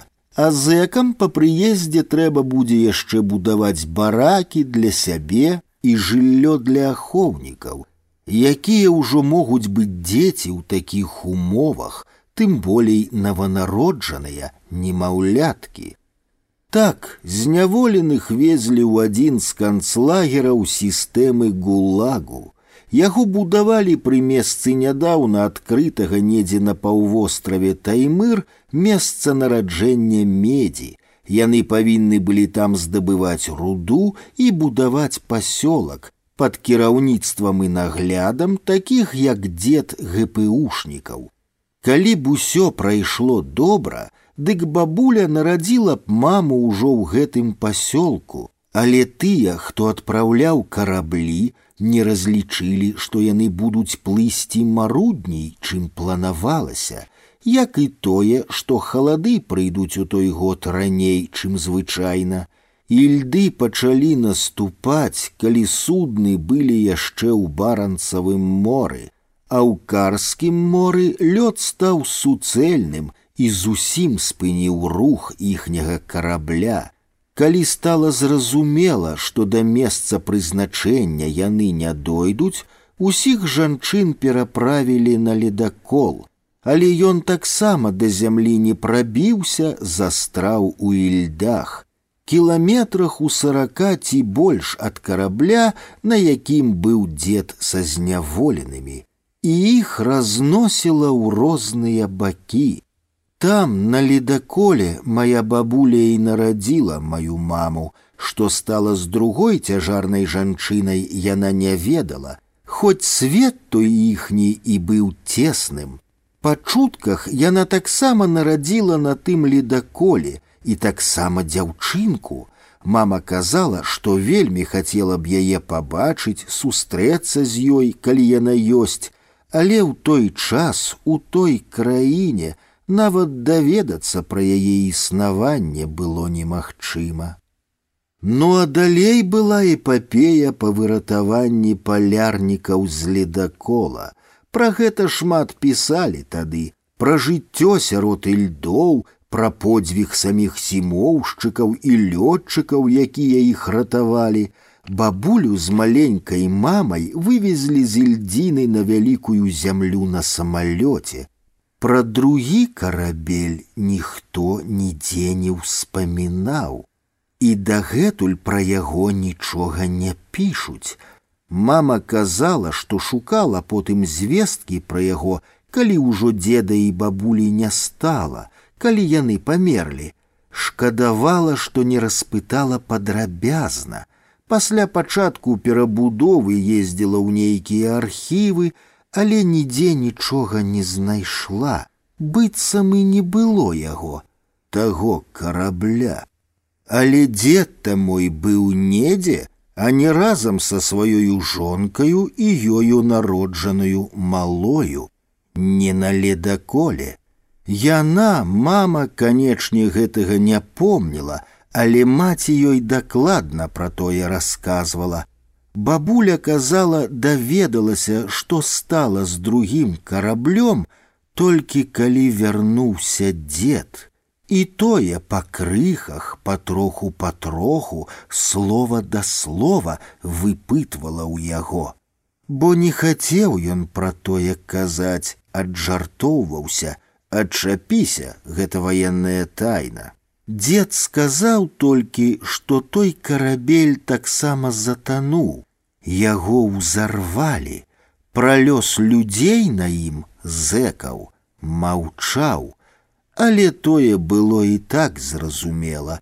Хто тады лічыўся з людзьмі, тым болей зняволенымі. Начальства ўратавалі і добра. Не адны зняволеныя, дарэчы, але і простыя чырванаармейцы засталіся там, на тым караблі ці каля яго. Можна толькі ўявіць, што перажылі яны і як загінулі. Не магу пра гэта не думаць, калі праходжу паўзменскі парк чалюскінцаў ці бываю ў ім. Дзяцінства маёй маці прайшло ў адрозненне ад многіх, а пэўна і большасці яе аднагодкаў, можна сказаць, шчасліва. Мой дзед, яе бацька, быў на добрым рахунку на працы ардэнаносец. Абмінулі яго рэпрэсіі 37 ды наступных гадоў, калі бралі ўсіх, у тым ліку і тых, хто раней браў ды дапытваў іншых. У вайну вялікую айчынную ён не ваяваў. Увесь час быў у тыле, у Маскве, нібыта ў знешняй разведцы, рыхтаваў дыверсійныя групы, якіх закідвалі на акупаваную тэрыторыю, у Беларусь, а потым у Прусію і Польшчу, сам за лінію фронту ні разу не трапляў, але ўзнагародаў у яго было шмат. Гэта я памятаю, бачыла на свае вочы, калі ён ужо на пенсіі апранаў свой кіцель, каб ісці на сустрэчу аднапалчан ці выступаць перад школьнікамі. Запрашалі яго часта. Што ён там казаў, не ведаю, бо ніколі не чула. Быў у яго і ордэн Леніна і некалькі чырвонага сцяга і яшчэ шмат іншых, а медалёў увогуле не злічыць. Мы не захавалі іх, мама не хацела, паклала ўсе ў ягоную труну разам з тым кіцелем. Пра перадваенны час і пра вайну мама згадвала мала, бо малой была да вайны толькі першы клас паспела скончыць у сорок пятым колькі ёй там было усяго адзінаццаць а вось пра пасляваенныя гады расказвала шмат бо тады пачаліся ў яе канфлікты з бацькамі жылі яны ў москве дзед быў падпалкоўнікам сваёй адзінай дачцы яны ні ў чым не адмаўлялі і ў падлеткавым узросце, нагледзеўшыся трафейных фільмаў пра жыццё ў Амерыцы, пра каханне іхняе замежнае прыгожае, яна пачала кантактаваць з так званай залатой моладдзю, разбэшчанымі дастаткам і ўсёўладнасцю бацькоў дзецьмі высокага начальства. Гэта ўжо быў пачатак пяцідзясятых, Тады Сталін у апошнія гады свайго жыцця, пра што ён зразумела не здагадваўся, распачаў новую хвалю рэпрэсіяў супраць урачоў, забойцаў у белых халатах. І ў міністэрства дзяржаўнай бяспекі, дзе служыў, не хачу казаць працаваў, дзед работы прыбавілася. Дед баяўся, што з-за разгульнай і нястрымнай дачкі зацікавяцца і ім. А яна жыла нібыта ў іншай краіне, закінула вучобу ва ўніверсітэце, мяняла кавалераў, знікала на некалькі дзён, гуляла словам, на заўвагі бацькоў не зважала, а потым і ўвогуле збегла з дому з каханкам, Дурная была, ой, дурная, казала мне мама потым. Сямнаццаць-восемнадцаць гадоў усяго жыцця не бачыла. Гэта потым, калі наўпрост сутыкнулася з ім, паразумнела. Але бацькоў сваіх яна, я ведала, не любіла, дужа не любіла.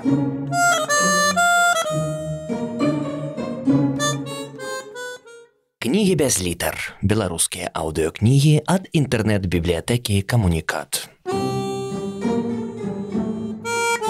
Барыс Пятровіч Наіўны дэтэктыў Гісторыя аднаго забойства Дзяўчаты ад Антося назаўтра не з'ехалі. Не так проста напрыканцы верасня знайсці ў Менску кватэру, засталіся яшчэ на тыдзень другі. Антось быў не супраць, разумеючы гэта. За той час, што ён жыў тут адзін без сяброўкі, крыху і засумаваў па обществу.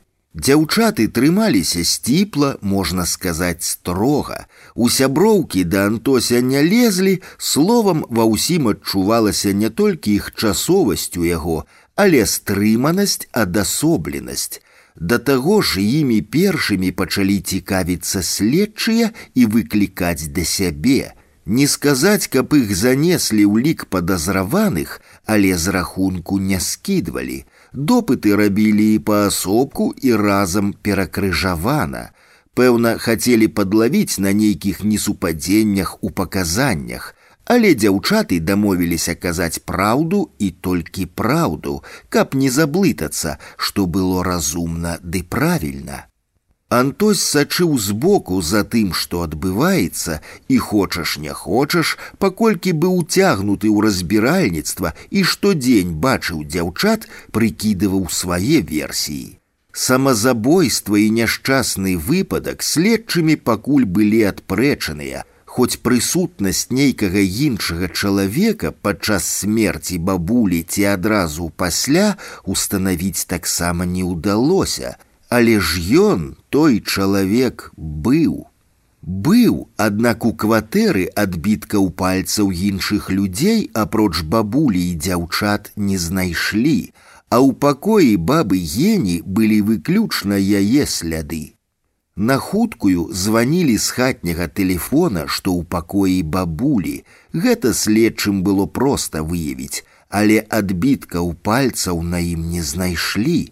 Той, хто гэта зрабіў, акуратна выцер слухаўку. Хто мог быць у той дзень у кватэры бабулі? Дзяўчат варта выключыць, яны сваё алібі даказалі, спачатку антосю, а потым і следчым.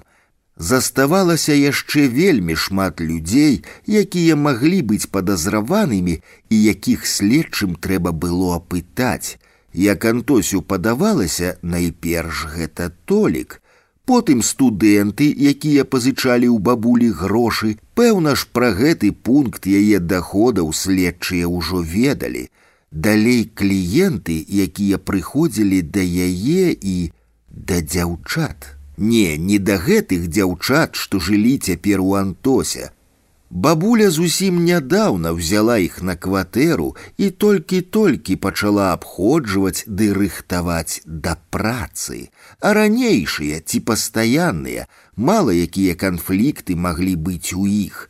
Ну і нарэшце жанчыны з антосевага двара і не толькі з яго, якія маглі геню прыраўнаваць да таго ж толіка, і толькі потым варта было не выключаць і няшчасны выпадак.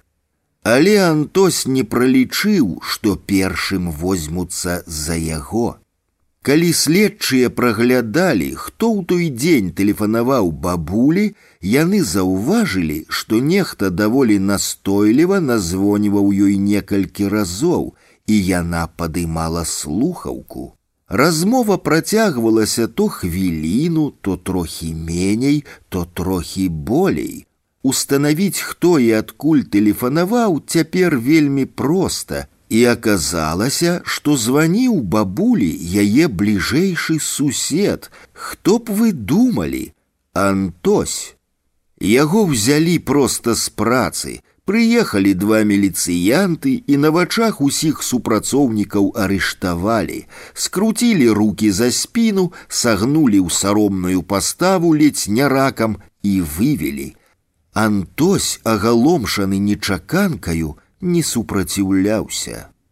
Дапытвалі яго двое следчых, а час ад часу заходзіў трэці і строга пытаўся ў іх: « Ну як, прызнаўся антося ажно скаланала ад гэтага у чым прызнаўся ён абсалютна не вінаваты увесь дзень праседзеў на працы выходзіў на камароўку ў абед хвілінаў на 15 купіць што-небудзь перакусіць нікому ніякай бабульцы не тэлефанаваў не тэлефанаваў павышаў голас следчы А як тады маглі адбіцца званкі з твайго працоўнага тэлефона на тэлефоне суседкі з твайго чуеш не ведаю лепетаў антось бо і сапраўды не ведаў нехта з іншых супрацоўнікаў заходзіў у твой кабінет падчас рабочага дня канечне заходзілі нехта з іх тэлефанаваў з твайго тэлефона здаецца не не памятаю не ты з кабінета выходзіў выходзіў можа ў гэты час не ведаю можа быць Антось таксама вырашыў казаць толькі праўду, як і дзяўчаты, тым болей ён жа што ведаў, што нікога не забіваў і ўвогуле ніколі не пераступаў парог кватэры бабы гені, пакуль не запрасілі быць панятым. Званкі былі пасля абеду з 14 до 15:30. Суседку забілі па дадзеных экспертызы ў 17:10. Дзе ты быў у гэты час?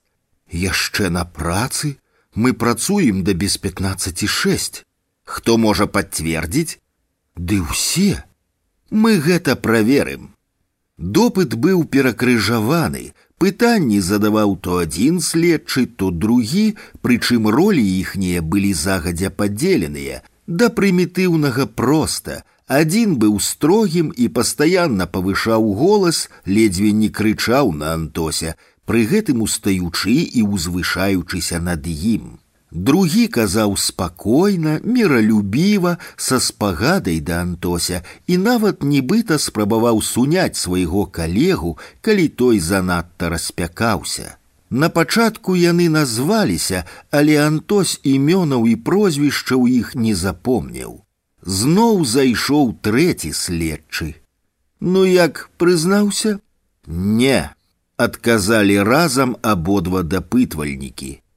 Што вы цягнеце, канчайце хутчэй, усё ж ясна ад пачатку, а не дык у стакан яго, Хай падумае там і ўспомніць усё, ці лепей у камеру да крымінальнікаў, апусцяць у пяць хвілінаў і прызнаецца, дзе ён дзенецца, грэбліва махнуў рукой. Заканчвайце.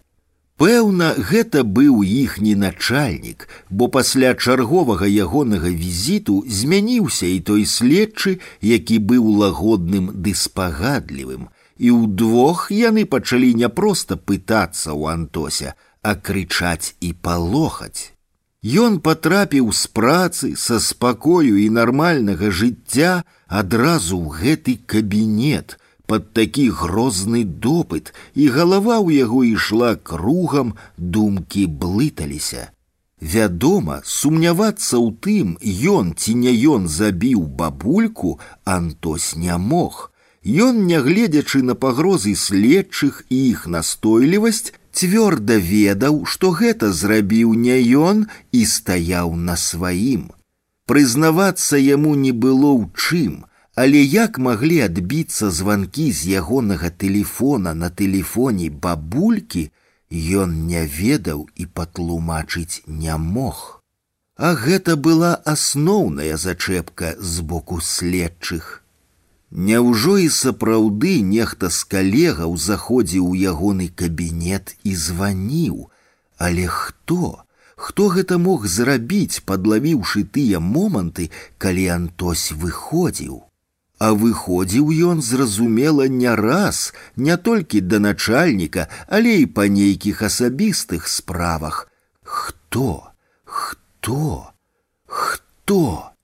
Гэтае пытанне не давала Антосю спакою.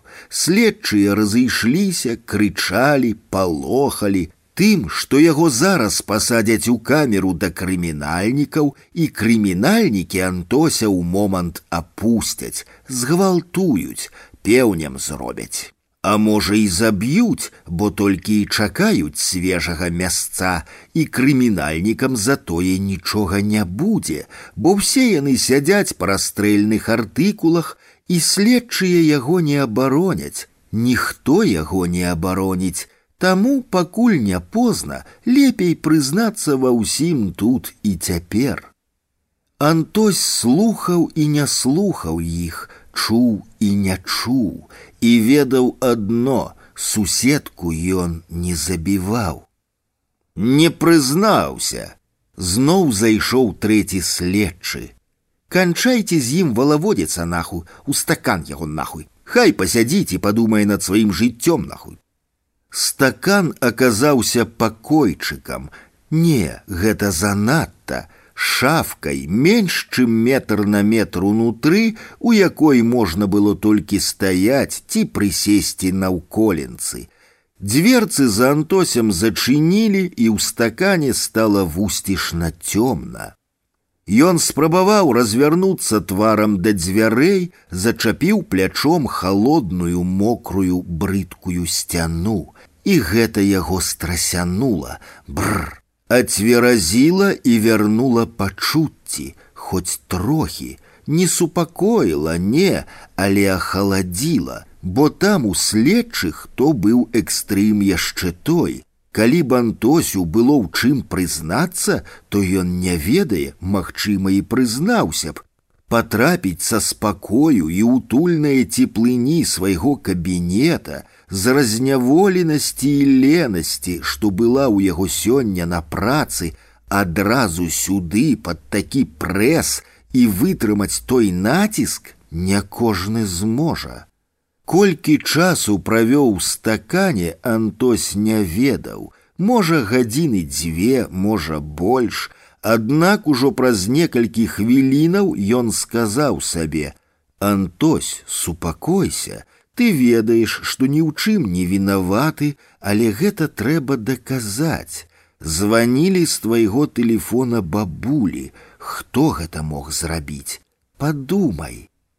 І пачаў згадваць, хто ў той дзень да яго заходзіў, потым адкінуў гэты занятак, бо хутчэй за ўсё той, хто званіў, застаўся невядомым яму. Ён заходзіў у кабінет тады, калі Антось выходзіў. А калі ён выходзіў? Не, у той дзень ён практычна не выходзіў з кабінета. Працы якраз было шмат, і Антось амаль не адрываючыся сядзеў за кампутарам. Ці ўсё ж выходзіў? Так, выходзіў толькі ў абед на камароўку, але ж званілі пазней, калі ён там быў. Стоп! А куды ён сам тады званіў? І вось тут Антось згадаў, куды званіў у той дзень сам. Справа ў тым, што на камароўцы яму нешта прыспічыла забегчы ў прыбіральню, жывот ні з таго ні з сяго схапіў. Пакуль ён быў у кабінцы, разгледзеў дзверы. На іх было дзясяткі розных надпісаў, ад проста імёнаў розных непрыстойных словаў з малюнкамі да цэлых вершаў. Запамінальных амаль адразу твораў туалетных паэтаў. Сярод іх былі і вельмі дасціпныя.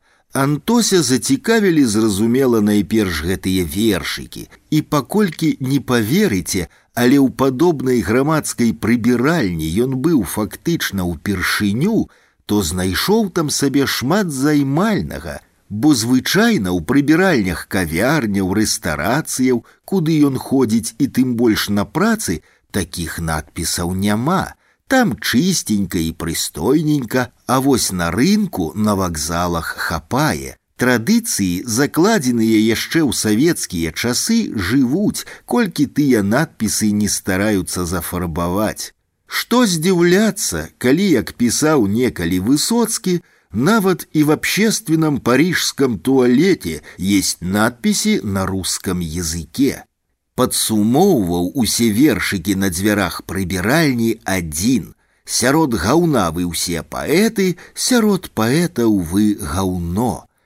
І было там яшчэ шмат нумароў тэлефонаў з рэкламнымі прыпіскамі. Хочаш паябацца, звані, адсасу ды іншае. І адзін незвычайны абмен два раўно тры звані і нумар телефона. Нехта мяняе двухпакаёўку на трохпакаёўку, адразу падумаў Антось. Адразу, бо ён якраз і шукаў падобны абмен. Два пакоі на тры гэта ж тое, што яму неабходна. Тут варта сказаць, ён ужо здаволіўся сваёй кватэрай, што дасталася яму ад бабулі Ганны. Такая вялікая яму не была патрэбная, пакоі ўсё роўна пустуюць, і ён вырашыў памяняць яе на меншую з даплатай вядома, а за даплату набыць машыну, ужо і паралельна на адным сайціку нагледзеў файную БМВ пятую. Правы ў яго былі, ён здаў на іх яшчэ ва ўніверсітэце, што кватэра яму і двух пакояў хопіць, а машына гэта воля паездзіць па беларусі наведае мір нясвіш горадню ды што проста рване да возера любога да ракі на прыроду да вогнішча намёт рыбалка грыбалка юшка шашлык мілата можна аднаму а можна і з сябрамі у якіх машыны няма І Антось пачаў шукаць абмен, але нічога добрага не знаходзілася. Ён не хацеў з'язджаць з цэнтру і далёка ад бацькоў, а прапановы з добрай даплатай былі ў асноўным з ускраінаў з-пад кальцавой. А на гэтых дзвярах нумар тэлефона быў амаль такі ж, як і Антосе ў хатні, адрозніваліся толькі дзве апошнія лічбы, Значыць, хутчэй за ўсё кватэрка абменная з ягонага раёну, мажліва і зусім блізка ад яго дому, чаму б не паспрабаваць, а раптам. Записывать телефон Антось не стаў, запомніў толькі дзве апошнія лічбы, адрозныя ад ягоных тэлефонных. 41. Лёгка запомніць пачатак вялікай айчыннай. Прыйшоўшы на працу, Антось адразу набраў гэты абменны нумар. Доўга ніхто не адказваў. Потым гудкі сціхлі, слухаўку на тым канцы дроту паднялі. І цішыня. Ні ало, не слухаю, ні добры дзень, як звычайна бывае. Цішыня тая і Антося напружыла, што казаць. Як правіла, першым гаворыць той, каму тэлефануюць, калі незвычайныя словы, дык як часам бывала, хто там ці хто вам трэба, на што адразу ж хочацца нагрубіць, а вам хто? А тут цішыня. Антось паслухаў, паслухаў тую глыбокую цішыню і паклаў слухаўку. Падумаў, што памыліўся нумарам, Праз нейкі час ён зноў набраў той нумар, на гэты раз ужо адсочваючы кожную лічбу, каб не памыліцца. Вынік быў той жа. Толькі гэтым разам слухаўку паднялі амаль адразу, і ні слова, цішыня.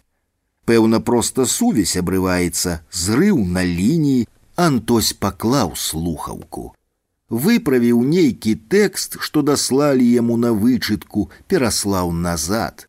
Потым яшчэ нешта зрабіў і згадаў пра тыя званкі. Яны яго трохі заінтрыгавалі, што за цішыня. Набраў нумар, слухаўку паднялі. Цішыня. Ён услухаўся ў яе і пачуў рыб скуры. Чалавек, які падняў слухаўку, відаць, сядзеў у скураным крэсле, і скура пад ім ціхенька парыпвала. Потым ён выслухаў нават лёгкае дыханне ў трубку, пасопванне. Антось разгубіўся і паклаў слухаўку. Што такое? Няўжо нейкі таварыш маёр падключаецца да лініі, каб слухаць ягоныя размовы, і тым самым перапыняе сувязь з іншым абанентам. Такога ў яго яшчэ не было. Ад гэтай думкі Антося нават трохі ў пот кінула. Навошта яго слухаць? Ён жа не апазіцыянер які, не тэрарыст, ну схадзіў на пару мітынгаў пасля выбараў, дык разам з усімі там тысячы былі. І што? Усіх узялі на заметку і слухаюць. Дай яшчэ раз паспрабую пазваніць. Набраў нумар, паднялі і цішыня услухаўся. Тое ж асцярожнае парыпванне скуранога крэсла ці фатэлю, лёгкае ледзь чутнае дыханне і маўчанне, нібыта чаканне, што першае слово прагучыць ад яго антося, нейкі пароль падумалася, ці умоўны знак. Во уляпаўся дык уляпаўся. Антось асцярожненька паклаў слухаўку і болей не званіў па тым нумары. Усяго званкоў было чатыры.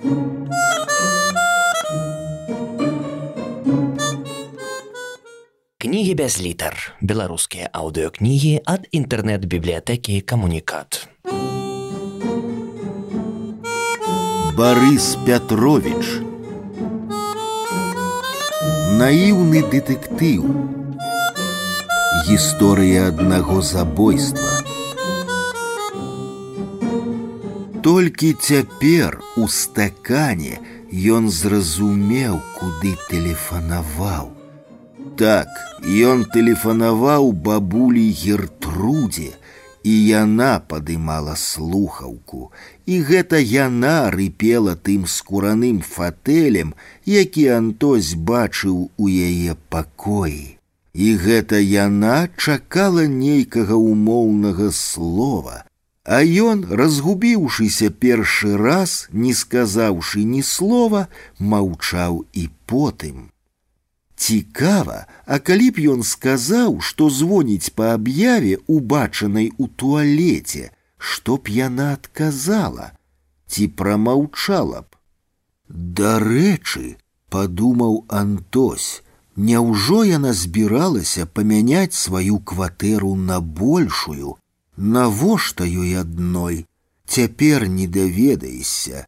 Пачакай, пачакай, Антосік, ты ж ужо дакладна ведаеш, што да яе хадзілі мужчыны, не толькі толік, магчыма і па гэтай аб'яве з прыбіральні, але што маглі значыць тыя словы: Абмен два раўно тры. Што за абмен такі і што значыць два раўно тром, калі гэта не абмен, а аб'ява для мужчынаў, такая ж, як іншыя, што я бачыў у прыбіральні. Не, два раўно тром не можа быць. Нават для мяне занадта незразумелая камбінацыя дзеля канспірацыі. Дарэчы, чаму мяне не спыніла тады слова звані. Не званіце, як звычайна на вы, а наўпрост звони. Тут відавочны падтэкст, тым болей на дзвярах прыбіральні, побач з такімі яскравымі запрашэннямі ды прапановамі. Так хацелася абмену, што і ўвагі не звярнуў на тое, дзе гэтая аб'яўка змешчаная. Зрэшты, якая цяпер розніца, галоўнае згадаў, куды званіў у гэты дзень. Засталося толькі, каб следчыя пацвердзілі, што той нумар менавіта нумар тэлефона бабулі Гертруды, у чым амаль не сумняваюся і ўсё ж, а не нейкага там таварыша маёра. Прайшло яшчэ трохі часу, шкрабнуў ключ у замку, і дзверы таго, што следчыя называлі стаканам, расчыніліся. Антось прымружыўся ад даволі цьмянага святла ў калідоры, але яркага для яго пасля суцэльнай цемры, пра якую ён забыўся зусім заняўшыся думкамі. бо калі ўспамінаў, нібыта бачыў перад сабой, як на экране тыя дзверы ў прыбіральні з надпісамі, чытаў іх, бачыў свой кабінет і сябе ля тэлефона.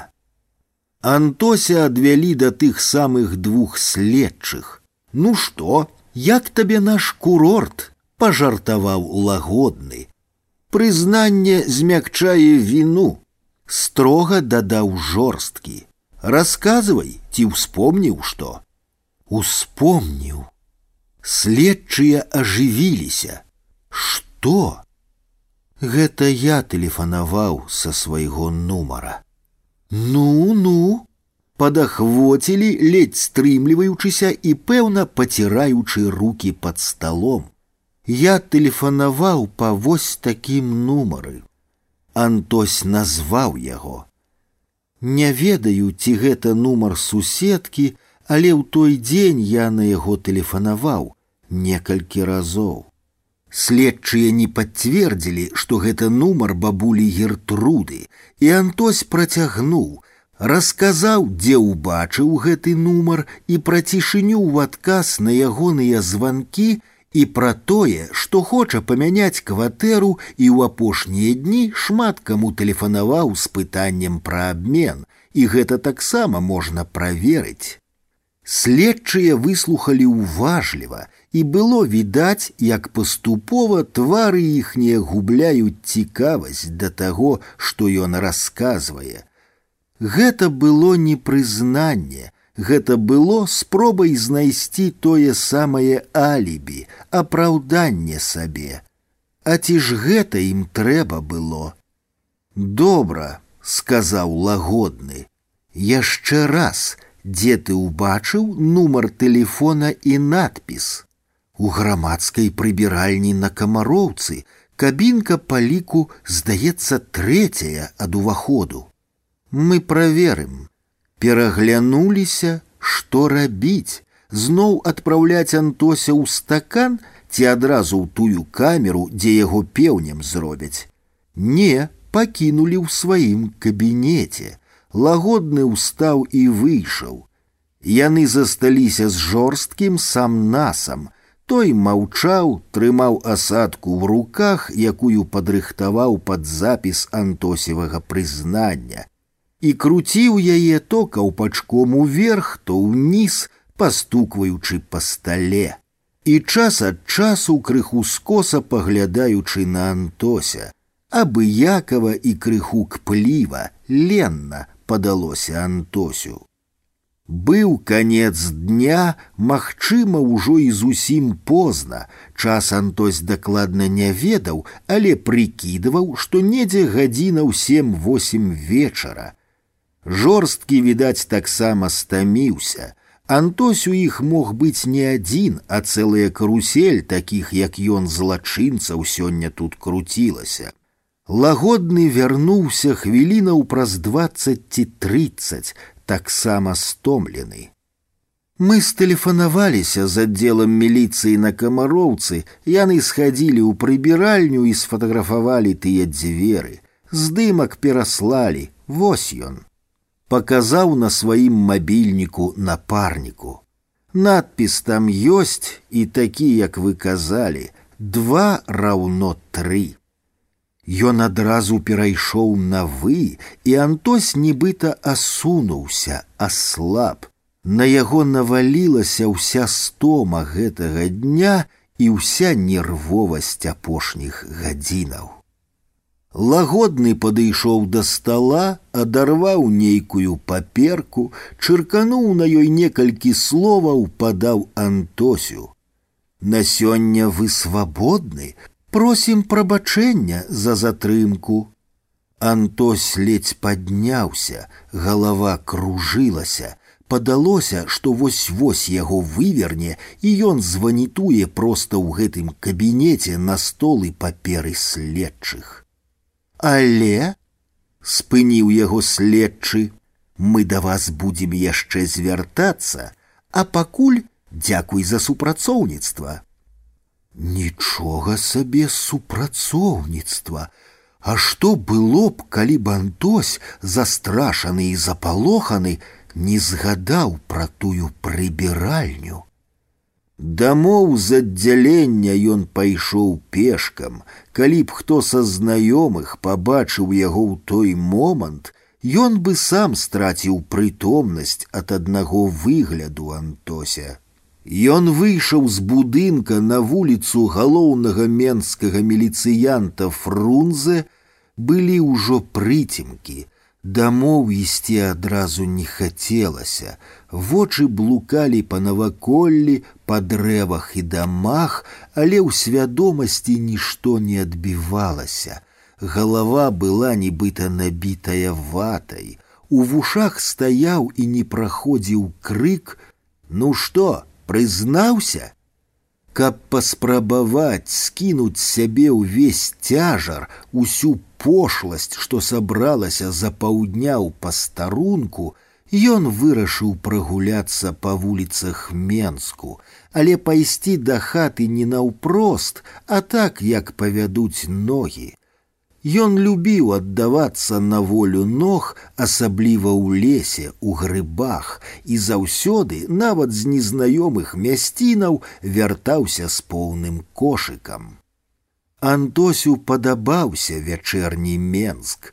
Ён падаваўся яму нашмат прыгажэйшым, чым дзённы ці ранішні, бо ўдзень вельмі часта над горадам вісяць хмары ды шэрань, а калі палічыць сонечныя дні, дык іх у менску будзе менш чым у знакамітым сваімі туманамі лондоне а вечарам калі запальваюцца ліхтары горад заўсёды прыгожы няважна было сонца ў дзень ці не антось памкнуўся было пакрочыць у бок плошчы перамогі але спыніўся і ногі павялі яго проста ў парк горкага азірнуўся на велічны будынак следчага камітэта і падумаў, што дзяржаўны музей гісторыі Беларусі глядзеўся б у ім значна лепш, чым гэты камітэт. Але планавалі, рамантавалі, ды музею не аддалі. Па дзіцячым парку пайшоў да цырка, ловячы тварам лёгкі вячэрні халадок і унюхваючыся ў прыемную сырасць першага апалага лісця. Ля ракі нядаўна падкасілі газон, і водар падвялае за дзень травы адкінуў яго ў мройлівы ўспамін у лета на лецішча бацькоў.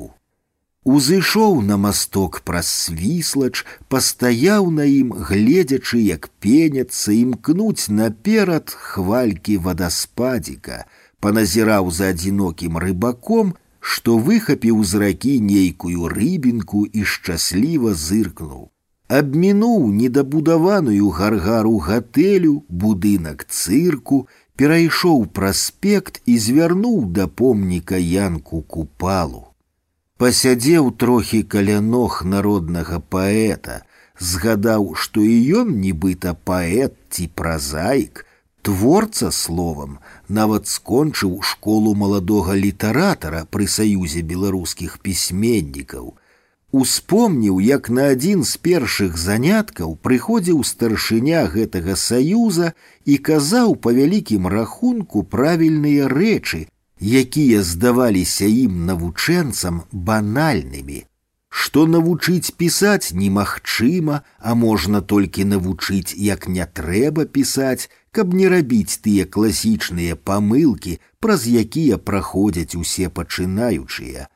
А далей усё залежыць ад таленту і працаздольнасці, мазалёў на адным месцы, Маўляў, геній гэта один процент таленту і 99 працы. У Антося, пэўна, быў толькі адзін той процент, бо тэксты ягоныя хвалілі, а кнігу ён так і не дапісаў, хоць і пачаў складаць у школе. Магчыма, яшчэ вернецца да яе.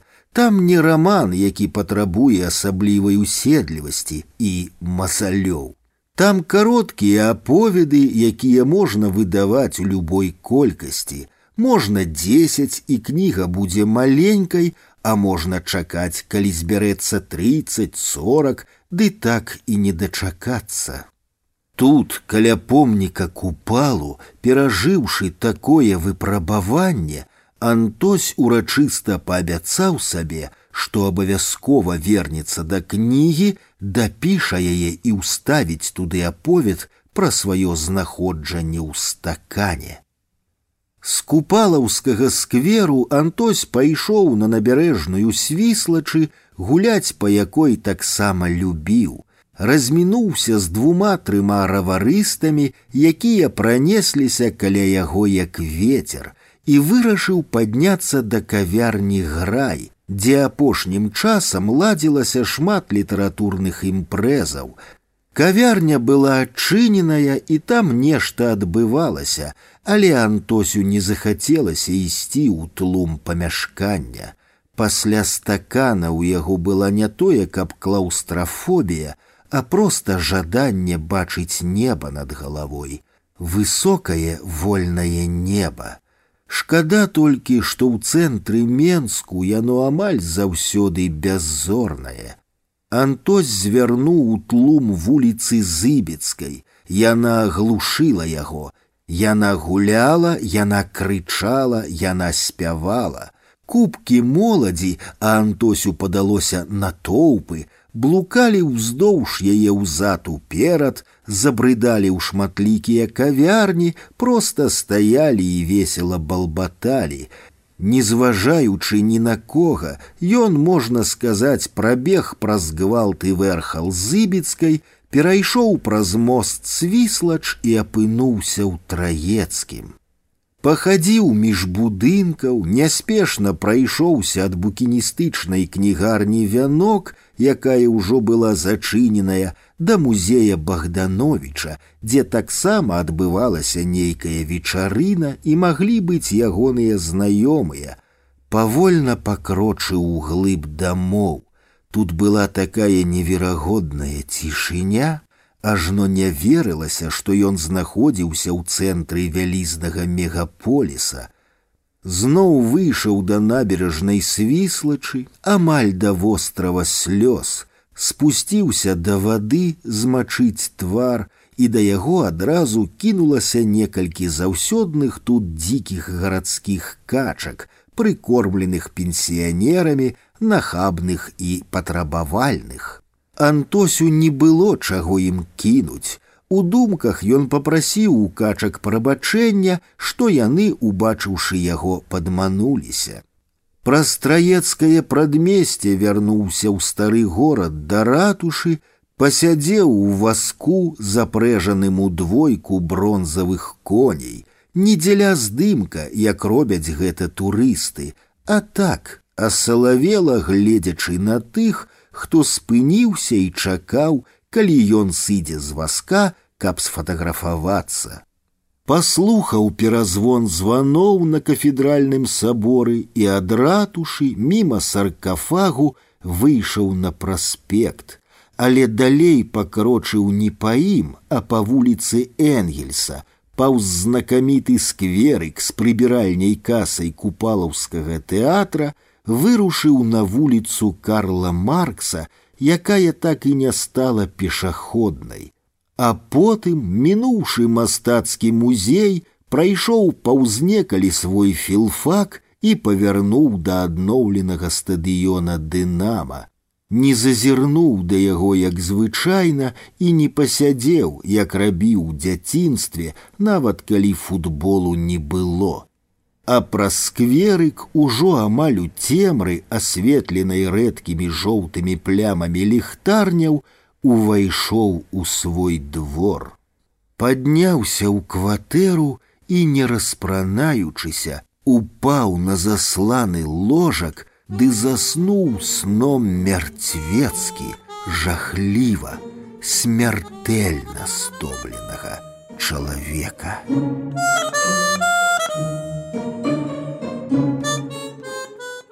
Кнігі без літар. Беларускія аўдыёкнігі ад інтэрнэт-бібліятэкі камунікат. Барыс Пятрович Наіўны дэтэктыў Гісторыя аднаго забойства. Другі сон расповед ад бабулі Гертруды. Моя мама, сышоўшы ад бацькоў з Масквы не з'ехала. З каханым яны знялі кватэру на ўскраіне горада, Пра таго хлопца яна расказвала мала, сказала, што ён быў яе аднагодак габрэй, значыць і я на палову габрэйка, але гэта я забягаю наперад. І таксама сын высокага маскоўскага начальніка. Імя ягонае не сказала, а таму я так і застаюся браніславаўнай, хоць як і маё імя, так і імя па бацьку мне не падабаюцца ўсё жыццё гэтае суцэльнае гыркатанне гр-тыр-бр бы сабаку нехта перадражнівае каханне іхняе не было доўгім разбілася быт як кажуць пагулялі полюбіліся пакуль не скончыліся ўзятыя ў бацькоў грошы а што далей як жыць ды і цяжарная ўжо мама была мной сталася тое, што і бывае ў кепскіх фільмах ці гісторыях пра блудную дачку. У прыполе, канечне, мама мяне не прынесла, але вярнулася дамоў да бацькоў ужо з добра бачным пузам. І без мужа, нават без жаніха, сорам, пазор на ўсю Маскву. Бабуля поплакала, поплакала і абняла дачку. Дед узяў было сваю армейскую дзягу, строгі быў і, паглядзеўшы на жывот, адклаў яе. Імя мне даў дед. Мама вымушаная была пагадзіцца, што ёй заставалася, хоць яна хацела назваць мяне святланай, зноў жа, каб дагадзіць деду, маўляў, у Сталіна святлана і ў нас. Але дед настояў на гертрудзе, Мама казала потым, яна подумала, што Гертруда, хоць і герой ці гераіня труда для деда, але ўсё ж ёсць такое еўрапейскае імя і даволі знакамітае, каралеўскае можна сказаць. Мала хто звяртае на гэта ўвагу, а тым больш памятае, але так у шекспіравай п'есе звалі маці гамлета.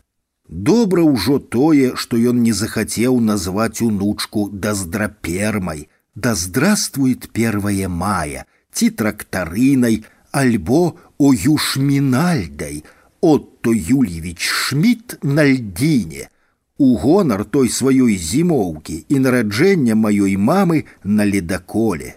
Сёння гэта смешна, а тады людзі на поўным сур'ёзе называлі такімі ды падобнымі да іх імёнамі сваіх дзяцей.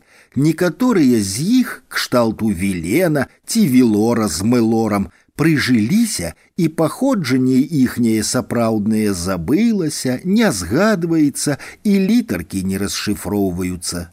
Бацька ў мяне з'явіўся, калі мне было два гады, і доўгі час менавіта яго браніслава вітольдавіча ён быў з заходняй беларусі недзе з-пад гародні я лічыла сваім адзіным і родным бацькам бо малая іншага не ведала а мама мне толькі перад смерцю расказала пра свае прыгоды ў маладосці і тое далёка не ўсе і не ўсё прынамсі пра сапраўднага бацьку Мама нарадзіла мяне і жыла са сваімі бацькамі, аднавілася ва ўніверсітэце і скончыла яго, там жа на трэцім курсе пазнаёмілася з браніславам. З бацькамі адносіны ў яе не складваліся, хоць яны і любілі яе, а яна казала мне, што саромілася іх. Бацькі найперш за ягоную працу, А пасля даклада хрушчова ў 56 годзе і ўвогуле амаль перастала з імі кантактаваць. Тады яны, мы скажу, жылі ўжо асобна. Калі пачалося асваенне цаліны, мама ўгаварыла бацьку, буду казаць пра браніслава так, паехаць туды. Мне яна потым гаварыла, каб адмыць карму, Маўляў, каб хоць такім чынам пазбавіцца ад крыві, што на руках бацькі, майго деда. Але асваенне цаліны гэта так называлася. На зямлі мае бацькі і дня не працавалі. Мы жылі ў акмолінску, які потым стаў цалінаградам, пазней астаной, а цяпер нур-султанам. Мама і тата выкладалі ў мясцовым сельскагаспадарчым інстытуце, гэта і была ўся іх сувязь з асваеннем цаліны, рыхтавалі кадры для мясцовых калгасаў і саўгасаў. Там я скончыла школу, вучыцца паступіла ў Маскву, туды, дзе і мама з татам вучыліся у МДУ.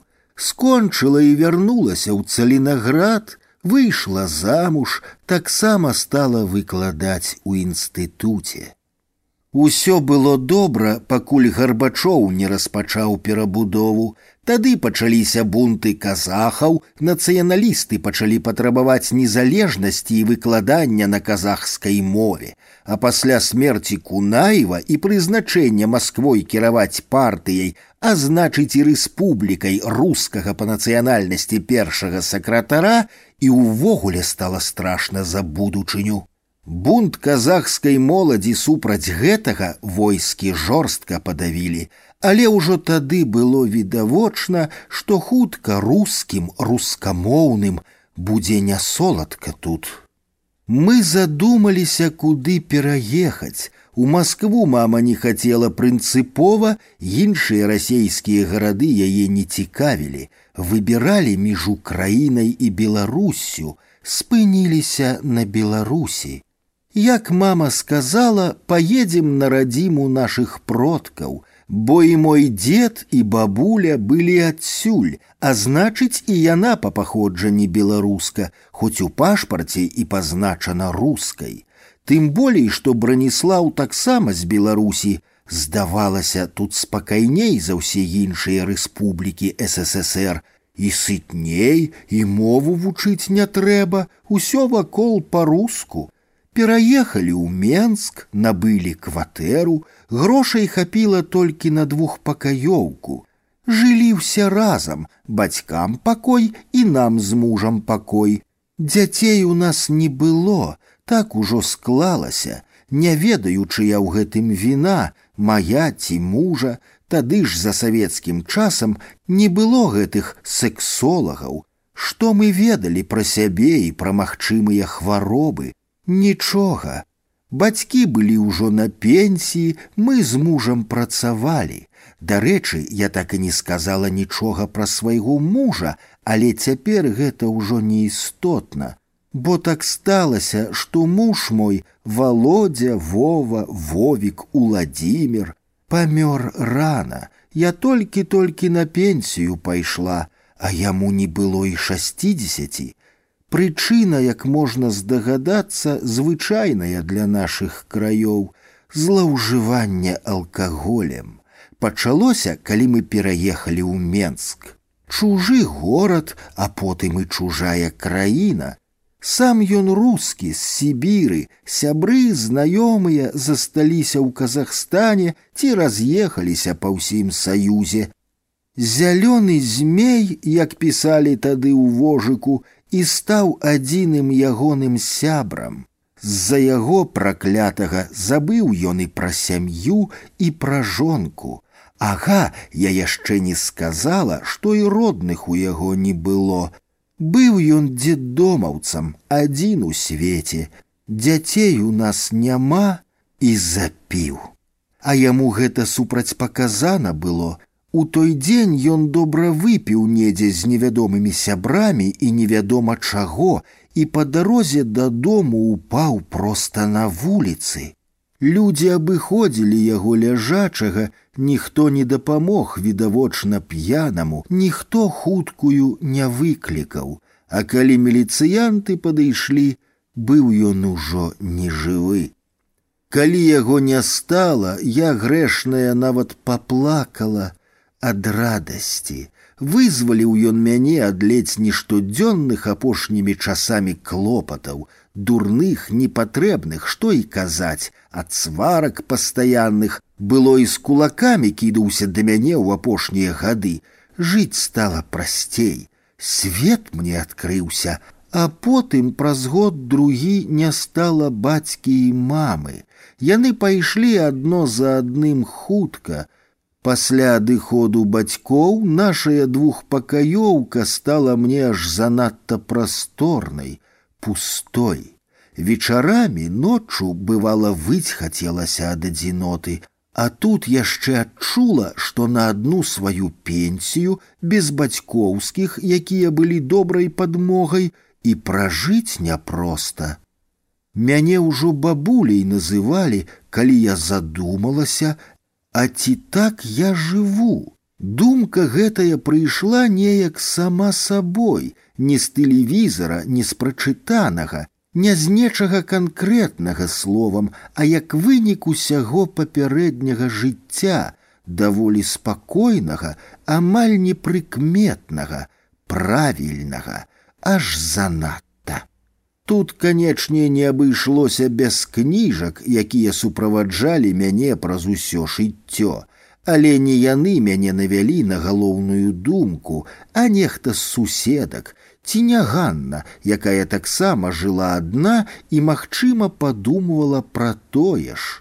Яна то адна адна, але ў яе былі побач сын з нявесткай і ўнук антоська часта прыходзіў, а я зусім адна ў горадзе, які не паспеў стаць родным, толькі некалькі суседзяў і ведаю. Дык вось Ганна мне і кажа: « Што ты пакутуеш, у цябе два пакоі, пусціў адзін кватарантаў, дзяўчатак студэнтачак якіх-небудзь, Універсітэт жа побач з інтэрнатам там заўсёды праблемы не ўсім даюць і табе весялей стане і грошы не лішнімі будуць. Я подумала, подумала, ды так і зрабіла. Дзяўчаткі па аб'яве трапіліся хорошыя, паважлівыя, мілыя першакурсніцы, Мяне адразу па бацьку зваць сталі браніславаўна ды браніславаўна. Нязвыкла было спачатку, бо апошнім часам усе геня ды геня, а то і гертруда. Толькі на працы і звалі па імені ды па бацьку. Дзяўчаты адразу і спыталі, дзе я працую.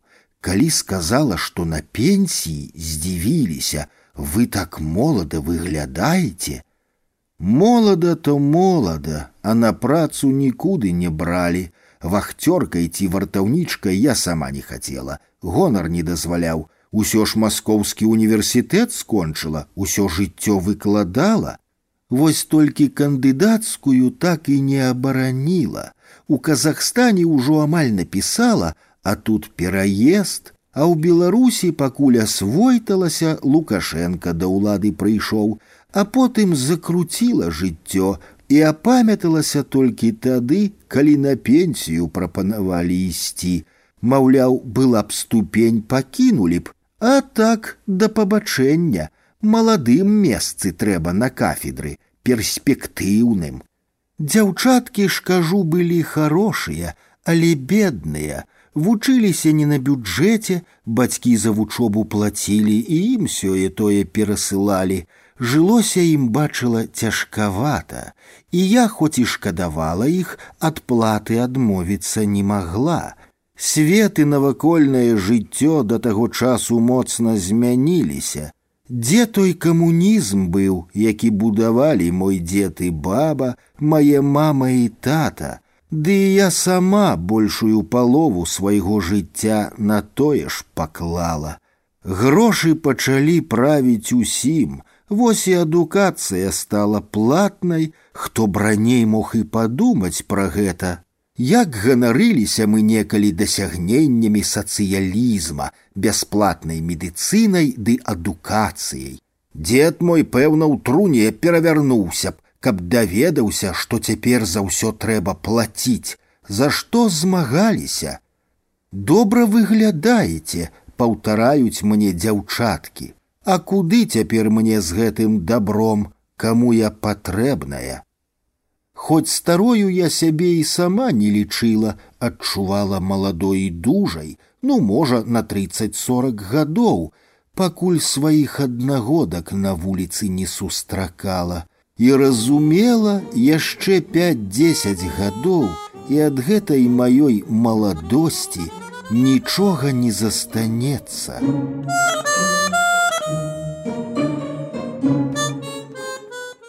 Кнігі без літар. Беларускія аўдыёкнігі ад інтэрнэт-бібліятэкі камунікат. Барыс Пятрович Наіўны дэтэктыў Гісторыя аднаго забойства Пабачыўшы сябе аднойчы ў люстэрку, падумала: трэба пачынаць жыць, а не існаваць у адпаведнасці з часам. Што азначае жыць, а не існаваць, я прыблізна для сябе ведала, адкуль ды з тых самых кніг, з кніг, якія прачытала мо тысячы, асабліва ў гады, калі пачалася перабудова і вся сусветная ды забароненая раней літаратура для нас адкрылася. Чаму кажу, што ведала прыблізна, ды таму, што кнігі гэта адно, а жыццё ўласнае, ды яшчэ тут у Беларусі у гэты пераломны час нешта абсалютна іншае. Да чаго я хілю, кемлівыя відаць здагадаліся, Чаму можа навучыць сусветная літаратура чалавека, які задумаўся раптам, як яму жыць і выжываць. Ну, самае простае, хочаш добра жыць, умей круціцца. Не сядзі, склаўшы руки і не чакай, калі з нябёсаў манна нябесная на цябе пасыплецца. Знайдзі варыянт, як у тваёй сітуацыі, зыходзячы з тваіх магчымасцяў грошы зарабляць, думай, дзейнічай, пад ляжачы камень вода не цячэ. Ну, першае я ўжо зрабіла, здала студэнтачкам адзін пакой кватэры. І мне хапала б, калі б я была не такой правільнай. Шкада было абіраць дзяўчатак, забіраць у іх апошнюю капейчыну, бо яны я бачыла самі часта галадаюць, эканомяць на ўсім. Сумленне не дазваляла, а руки бралі. І шчыра скажу, пачала я думаць, як ім дапамагчы. Гляджу прыгожыя, маладыя, усё ў іх наперадзе, ці як жартуюць спераду. Спераду? Так, спераду. Чаму б не паспрабаваць дапамагчы ім і самой на іх гледзячы не пакутаваць, а можа і таксама разжыцца, А як зарабіць грошай такім вось дзяўчаткам найпрасцей? Зразумела як тым самым старажытным спосабам, самай старажытнай прафесіяй. З першымі дзяўчатамі ў мяне нічога не атрымалася, Год яны пражылі ў маёй кватэры, галадалі, але як я іх не рыхтавала да размовы, як не намякала, а пад канец дык амаль адкрыта казала, яны ні на што не пагадзіліся. На тое, каб знайсці патрэбных дзяўчат, яшчэ адзін год у мяне пайшоў. За гэты год і сама саспела да нейкіх пераменаў. А чаму бы не? Нездарма ж ледзь не дэвізам маім стала жыць, а не існаваць. А што я ў жыцці бачыла, як жанчына, мужа п'яніцу, ніколі яму не здраджвала, а тут загарэлася бабе на старасці. Глядзіш ад дзяўчатак маладых і мне нешта перападзе акрамя грошай. А што, шчасця захацелася радасцяў. Такім чынам пакой здаецца, універсітэт побач, інтэрнат даюць далёка не ўсім. Прашу я нядорага. Прыходзіла многа жадаючых, я магла выбіраць. Хлопцаў адсеивала адразу, а да дзяўчатак прыглядалася з пэўнай мэтай. Урэшце выбрала двух сябровак, такіх як хацела, Усё пры іх, пры гажуні, з раёну, не на бюджэце грошы будуць не лішнімі. недзе праз месяц загаварыла пра магчымы прыработак. Ламаюцца, баяцца, прыкідваюцца нечапанымі, А я ж бачу, што гэта не так, таму і выбрала іх. Яшчэ праз месяц, калі жыццё добра такі прыціснула, самі пайшлі на кантакт, прыгадалі тую размову. Добра, пачатак ёсць, але іншая праблема паўстала, як знайсці кліентаў. Я ж сама не гатовая была да гэтага, хоць дзяўчатак справакавала. Гэта цяпер праз столькі гадоў тое здаецца простым, ды і норавы памяняліся, свет стаў іншым і магчымасці зразумела, Інтэрнэт паўсюль сайты, фэйсбукі, мабільнікі ў кожнага. А тады успомніла я пра прыбіральні мужчынскія, дзе казалі ёсць такія надпісы з прапановамі мужчынам ад жанчын. Вакзал побач сама тое. А як патрапіць у той туалет мужчынскі, думала я думала, і вырашыла звярнуцца да толіка. Ён пагадзіўся напісаць самае простае, маўляў, хочаш, позвони мне і мой нумар. Гэта потым, калі канкурэнты з'явіліся, я прыдумала іншае пра абмен два роўна тры. Нібыта намёк на кватэрны абмен, а насамрэч для тых, хто ведае, дзве дзяўчынкі, а ты будзеш трэцім. Слоган такі, мой занадта хітры, але мне смялей не падкапаешся. Дзве дзяўчыны абслугоўваюць аднаго кліента, гэта было такое маё ноу-хау, як цяпер кажуць. Два плюс адзін раўно тры. Звычайна адзін на адзін, а такога ў Менску ні ў кога не было два равно три. А калі трэба, дык далучуся і я. А што, жанчына ў самым соку выглядала і сапраўды тады я яшчэ не кепска, як там кажуць, ягадка опять. Паспрабавала крыху пазней далучыцца, і асабліва спадабалася гэта маладым хлопцам, якія забывалі пра дзяўчатак і пераходзілі да мяне, да мамкі, як яны казалі. Ім хацелася не толькі звычайнага сексу, але і чагосьці новага. Маладыя ім былі не дзівам. Раней бы я гэтага нікому не расказала, ні за што. А цяпер мне няма ўжо чаго саромецца. Сцены нашага дома, дзякуй Сталіну і палонным немцам, якія яго будавалі, даволі тоўстыя не толькі знешне, але і ўнутры і перакрыцці нармальныя, Таму нашыя оргіі ніхто з суседзяў не чуў. Не тое, што ў гэтых новых кватэрах, дзе дзіця заплача ў першым пад'ездзе, адчуваць у сёмым. Прынамсі, ніхто з суседзяў ні разу не паскардзіўся.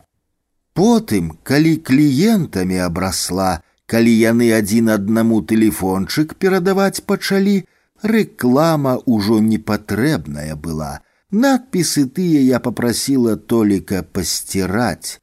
Але, відаць, сям там яны засталіся, мусіць, зробленыя ўжо не ім, бо і новыя кліенты час ад часу з'яўляліся. Але для тых, хто не першы раз звоніць, прыдумаліся кантактныя словы, як пароль, на звонок я не адгукаюся, пакуль не пачую ад іх тыя словы. Падымаю трубку і маўчу, чакаю іх. Нармальна, спакойна, гэта цяпер. А тады пачынаць было ох, як няпроста, ды і страшна. Кажу сабе, што гэта ты баба старая надумала, перахрысціся і плюнь тры разы цераз плячо, але справа зроблена. Толік на дзвярах ужо надрапаў асадкай, і вось вечар. Той жа першы вечар. Чакаем з дзяўчатамі званок. Вы думаете, суседка патэлефанавала? Не, кліент. Патрэба, значыць, была ў такой паслузе. І што яму сказаць? Накрычала я на яго, маўляў, што гэта кватэрны тэлефон і нехта пажартаваў з мяне так кепска, што баба я старая і мне не да таго. Потым быў другі званок, трэці, пяты. І ўсім я казала, што гэта нехта помсціць мне і здзек такі прыдумаў. Толькі на трэці дзень, пачуўшы, як мне падалося сарамлівы ціхі голас, абачлівы і прабачлівы, адважылася сказаць прыходзь і назвала адрас. А ўжо дзяўчаткі хвалююцца, доўга расказваць, што перажылі мы, але пашанцавала. Вось жа і ў такой справе можна сказаць, Бог ёсць. Мог бы прыйсці ідыёт нейкі заклапочаны, ці міліцыя, якая, чаго я найбольш баялася. Для яе міліцыі таксама прыдумала адгаворку, але тады не спатрэбілася. Прыйшоў нармальны хлопец, які і сам сароміўся не менш за нас пытаецца ў мяне, а колькі каштуе, а я не ведаю, колькі і прасіць.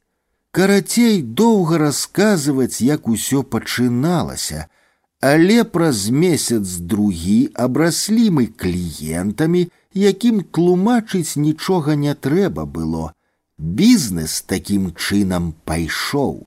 Першыя заробленыя грошы я ў дзяўчат не забірала, Трэба ж было заахвоціць іх лёгкімі, а то і прыемнымі грашыма, і ўвогуле ніколі не злоўжывала імі, па некалькі кліентаў прымаць за ноч не дазваляла. З часам з'явіўся ў нас папярэдні запіс і стала прасцей, яшчэ смялей. Участковы наш, канечне ж, пра гэта пранюхаў, нехта з кліентаў мусіць прагаварыўся, але то былі гады, калі яму лішняя капейка трэба была дзяліцца з ім, адшпільваць яму давялося, а потым і сам ён час ад часу пачаў карыстацца паслугамі. Бізнес гэты свой я не пашырала, за вялікімі грашыма не гналася, дзве дзяўчыны і досыць, словам усё было прыстойна. Калі дзяўчаты сканчвалі вучобу і мусілі раз'язджацца па размеркаванні, яны самі шукалі і знаходзілі сабе замену, не першакурсніц, але на два-тры гады. Нармальна было, тое, чаго я хацела, сталася. Жыццё наладзілася, як кажуць, не існаванне, а жыццё. Адна толькі праблема з часам выявілася, толік даставаць ён пачаў і мяне і дзяўчат, а то і запалохваць, абяцаючы расказаць каму трэба. Ну яго я сама прымала, да маладых не пускала. Праз гады тры-чатыры у мяне з'явіліся лішнія грошы, якія так проста ляжаць не павінны былі, а таксама працаваць. Спачатку знайшоўся адзін студэнт, якому трэба была пазыка, потым другі, трэці. Даходзіла да смешнага, быў хлопец, які браў у мяне грошы ды ішоў да дзяўчат. Добра, што знайшоўся адзін такі разумнік, але ўсе крэдыторы грошы вярталі з працэнтамі, вядома, невялікімі студэнты ж але з працэнтамі. Не было такога, каб нехта з'ехаў і аддаць забыў. Беларусы, што і казаць, так і жыла, не дужа раскашавала, бо не злоўжывала грашыма і не раскідвалася імі, але капейка заўсёды была і ў мяне, і ў маіх дзяўчатак.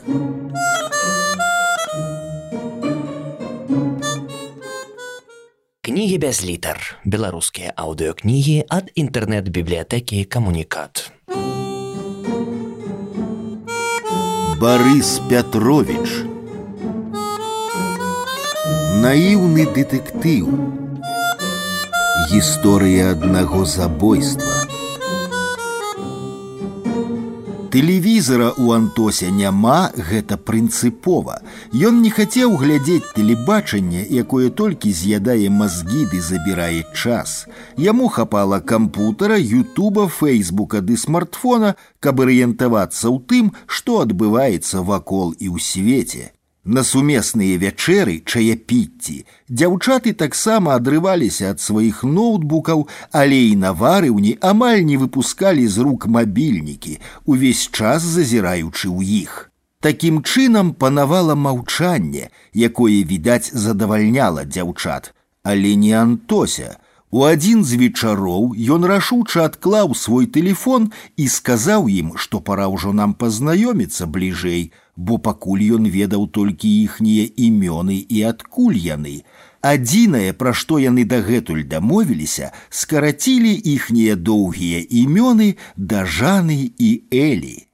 А навошта табе ведаць пра нас больш? сказала Жана. Яна ўвогуле здавалася сур'ёзнейшай, мо таму, што была маўклівей. Праз пару дзён мы разбяжымся і, можа, ніколі потым не ўбачымся.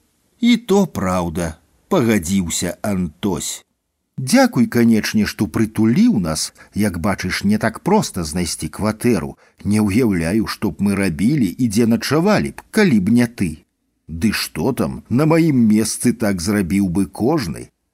Не скажы, вы мінчукі проста жыцця сапраўднага не бачылі, наіўныя.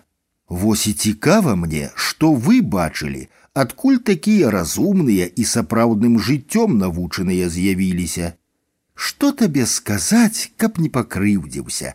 Звычайнае ў нас жыццё, усё як і ва ўсіх: школа, музычная школа, паступленне, вучоба.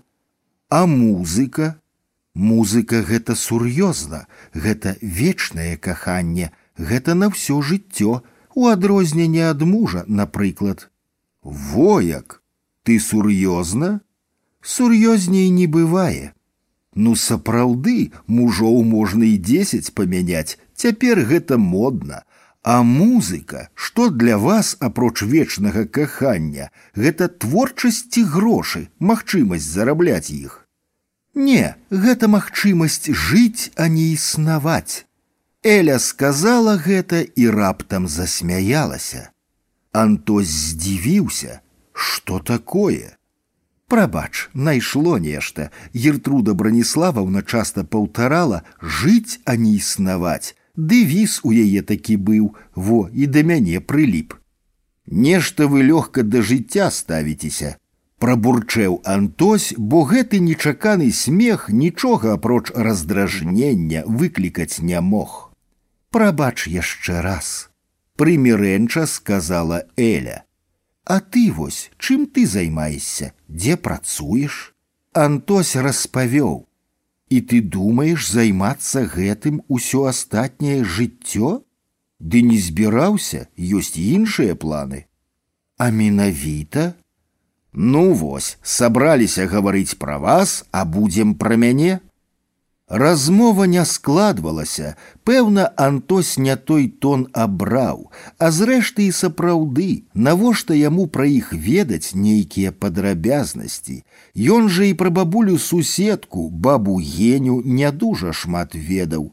Жывуць вось так людзі ў горадзе побач на адным паверсе, дзверы ў дзверы і абсалютна не цікавяцца не тое, што лёсам іншых, не ведаюць нават хто іхні сусед ці суседка, кім працуе, чым жыве, а то і як завуць. Згадка пра бабу геню дзяўчат насцярожыла, заўважыў Антось. Было гэта нібыта іхнім табу. За ўсе апошнія дні яны яе ні разу не ўспаміналі, хоць і цягалі іх на допыты, шукаючы забойцу ці забойцаў. Дзяўчаты насцярожыліся, і Антосю падалося, што яны пра бабу геню ведаюць значна больш за яго. Ён запытліва глянуў на іх, загаварыла Жана. А ты праўда нічога не ведаеш пра сваю суседку? Праўда, я не так даўно тут жыву, крыху больш за паўгода. Нямала, мы ўсяго недзе тры тыдні і то. Што і то? Раз ты нічога не ведаеш, дык навошта казаць? Ну я сёе тое ведаю, усё ж яна сябравала з маёй бабуляй, хоць бы пра тое, што прыехала яна з Казахстану. Ого, як шмат! Не здзекуйцеся, ведаеце што, дык кажыце. Усё роўна ён даведаецца. Эля перахапіла ініцыятыву. На наступнай сустрэчы міліцыянты скажуць. Што скажуць? Чым бабулька займалася? Чым? Не цягніце гуму, пачалі дык кажыце. І дзяўчаты расказалі, дзеля чаго іх бабуля ўзяла на кватэру. Ну тое, што да яе не проста так ходзяць мужчыны, Антось здагадваўся і з тым нумарам у прыбіральні спрабаваў гэта ўвязаць. Але тое, што дзеля гэтага яна брала на кватэру дзяўчат, вось гэтых мілых і сімпатычных, што цяпер сядзяць перад ім, яна выкарыстоўвала як Антось змяніўся ў твары і ў лоб спытаў у дзяўчат: « І вы пагадзіліся на гэта? А што нам заставалася рабіць? Вучобу кідаць? Інтэрнат нам не далі. Бацькі з цяжкасцю нават на аплату грошы збіраюць, а яшчэ жыць у сталіцы за нешта трэба, апранацца, пажадана як усе, а не як. Вось і пагадзіліся пагадзіліся шчыра сказаць да канца не ведаючы на што ідзем антось маўчаў дзякуй богу здарылася тое што здарылася нехта дае нам шанец нехта даў шанец не ўмазацца ў Эля падбірала словы, задумалася і на гэтым скончыла думку. Антося гэта не проста ўразіла, Вось так жывеш, жывеш і нічога не ведаеш. Ён і падумаць не мог пра бабу геню, што яна займаецца зводніцтвам, што яна бандерша і трымае прытон, вертеп, бардэль проста за сцяной ягонай кватэры. Можа таму, што між іхнімі кватэрамі была не толькі адна сцяна, а яшчэ і прыбіральня ды лазенка са сваімі сценамі. Можа, ён спаў як забіты, таму нічога ніколі не чуў. Зрэшты, Антось тут жыве ўсяго паўгода. Варта адняць тры месяцы лета, канікулы, калі папярэднія студэнткі з'ехалі, а Эля з жанай яшчэ не пасяліліся ў бабулі. Ды і ўвесь верасень ніхто да іх не хадзіў апроч хіба толіка, які тут прывычны ўсім, ды таго невядомага Івана, які толькі размовы размаўляў ды надакучаў натацыямі. Таму ён і пачуць нічога не мог. А што да дзяўчат, што думаць пасля такога прызнання пра іх? Кажуць, што чыстыя, нявінныя, радуюцца, што не ўмазаліся, няхай і такім коштам. А што яны павінны былі яму сказаць? Хто прызнаецца і будзе казаць табе ў такім узросце і ў такой сітуацыі, што я прастытутка. Пашкадаваў іх, пажыць запрасіў. Дабрадзей знайшоўся. Ну і як ставіцца да іх цяпер? як жыць з імі ў адной кватэры. Гэта было пытанне, пытаннейка. Ці не час Антосю попрасіць іх пакінуць ягоныя апартаменты. У той вечар Антось стрымаўся, сікануць з пляча ды выгнаць іх самае простае здавалася б, Але вось яны сядзяць перад табой, звычайныя дзяўчаты, якія трапілі ў няпростую сітуацыю, і што? устаць і сказаць ім пайшлі прэч пра сталыткі. Не, ён не мог гэтага сабе дазволіць. А між тым следства працягвалася, і адгалоскі яго да іх даходзілі. Следчыя, відаць, як і Антось, склалі для сябе спіс з магчымых забойцаў і паступова ішлі па ім. Наступным крутнулі толіка. Вярнуўшыся з допыту, ён напіўся, сеў на лаўку ля стала, на якім раней гулялі ў даміно і доўга распавядаў іншаму суседу, што з ім было, як яго дапытвалі следчыя, расказваў голасна, часам пераходзіў на крык. Антось быў у гэты час дома і ўсё чуў. Толік прайшоў амаль тыя ж этапы, што і ён, пабываў і ў стакане, пакуль следчыя высвятлялі, ці праўду ён ім казаў. Бля! крычаў толік.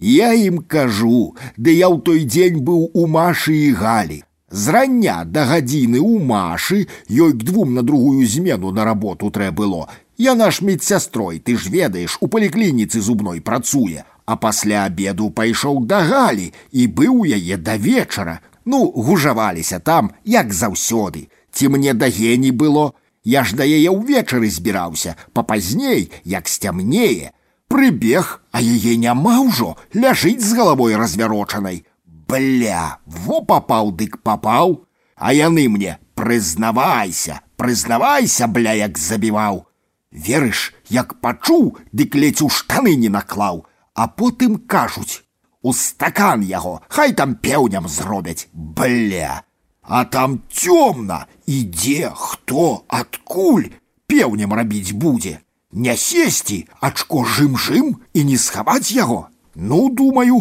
папаў дык папаў стаю і верыш богу малюся ніколі не маліўся а тут шапчу божа мілы праведны уратуй і спасі уратуй і спасі памілуй радзі ўсяго святога і яшчэ нейкія словы ўспомніў адкуль узяліся адчыняюць дзверы, кажуць, выходь, да сцяны мордай, руки за спіну і строга з крыкам. Ну, думаю, прапаў ты толік. Вядуць, куды вядуць? У турму. Прашчайце дзеўкі, прашчайце бабы, болей не ўвіжу я вас. Паверыш, пакуль ішоў уся жыць перад вачмі ў галаве прабегла. Прывялі да тых самых, што і раней у кабінет. І яны мне кажуць: ты свабодны, Я як стаяў, так і сеў. Бабы кажуць, пацвердзілі, што ты ў іх быў, подпісаліся ответственно, отпустили. Я да Машы на рабоце дагалі, во выпілі разам, было ў яе, а потым я яшчэ ў магазин па дарозе зайшоў. Толік замоўк і нешта доўга маўчаў. Антось асцярожна вызірнуў в акно, што там? Толік рукамі, якія не слухаліся яго, мкнуўся дастаць нешта з кішэні, нарэшце выцягнуў недапітую пляшку гарэлкі. Зайшоў у магазин і купіў во. Давай памянём геню. Добрая баба была, але во нарабіла яна нам дзялоў, бля. Пі, ды пі ты з гарла, што тут стаканы шукаць, недзеш пад лавачкай быў схаваны. Няма, пі, пі з гарла не жалка, хопіць з мяне стакана таго міліцэйскага. Следчыя ішлі, што называецца панарастаючай, у сэнсе колькасці падазраваных. Пасля толіка пачалі выклікаць па адной жанчын з антосевага двара, якіх абслугоўваў толік па чарзе і якія раўнавалі адна адну да яго. Адгалоскі тых выклікаў даходзілі да антося. Двор іхні, як ужо казалася, вялікая вёска, і тут нічога не схаваеш ад сваіх.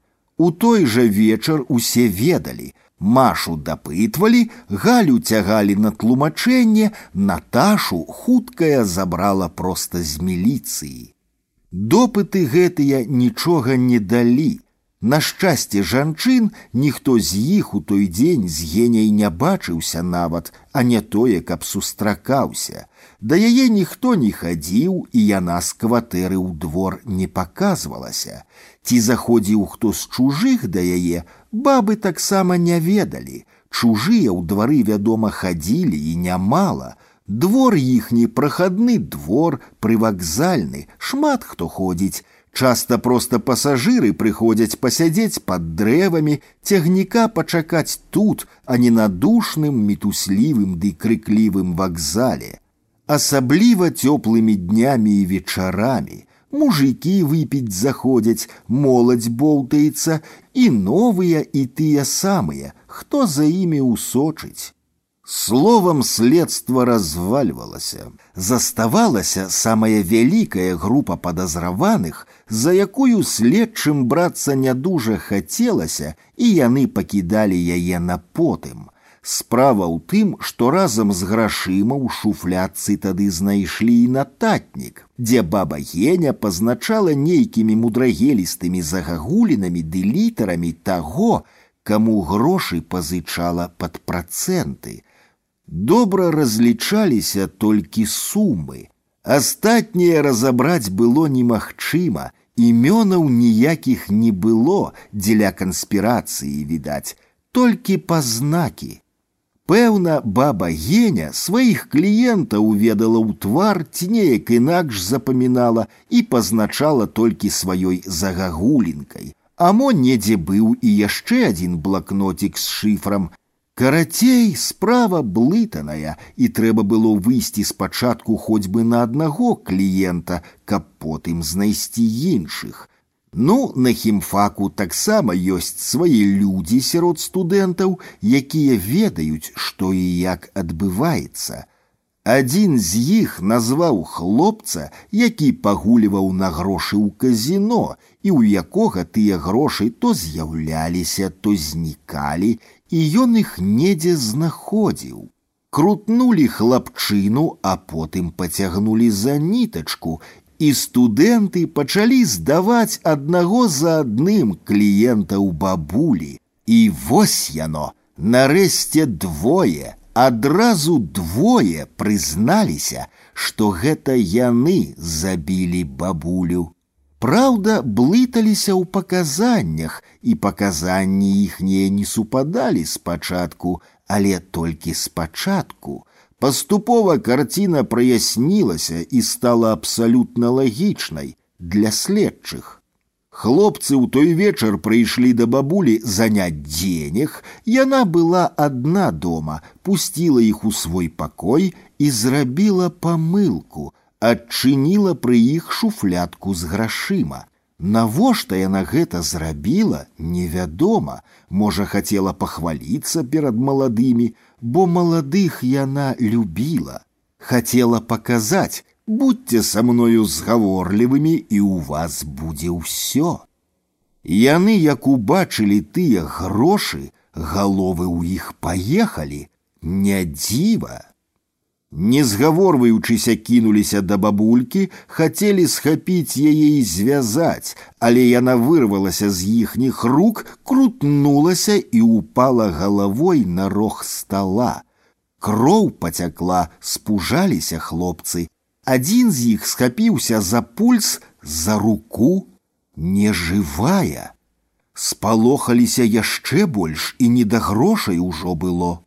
Таму браць нічога не сталі, ціхенька выйшлі з пакою і ўцякаць. А хто пазваніў у хуткую?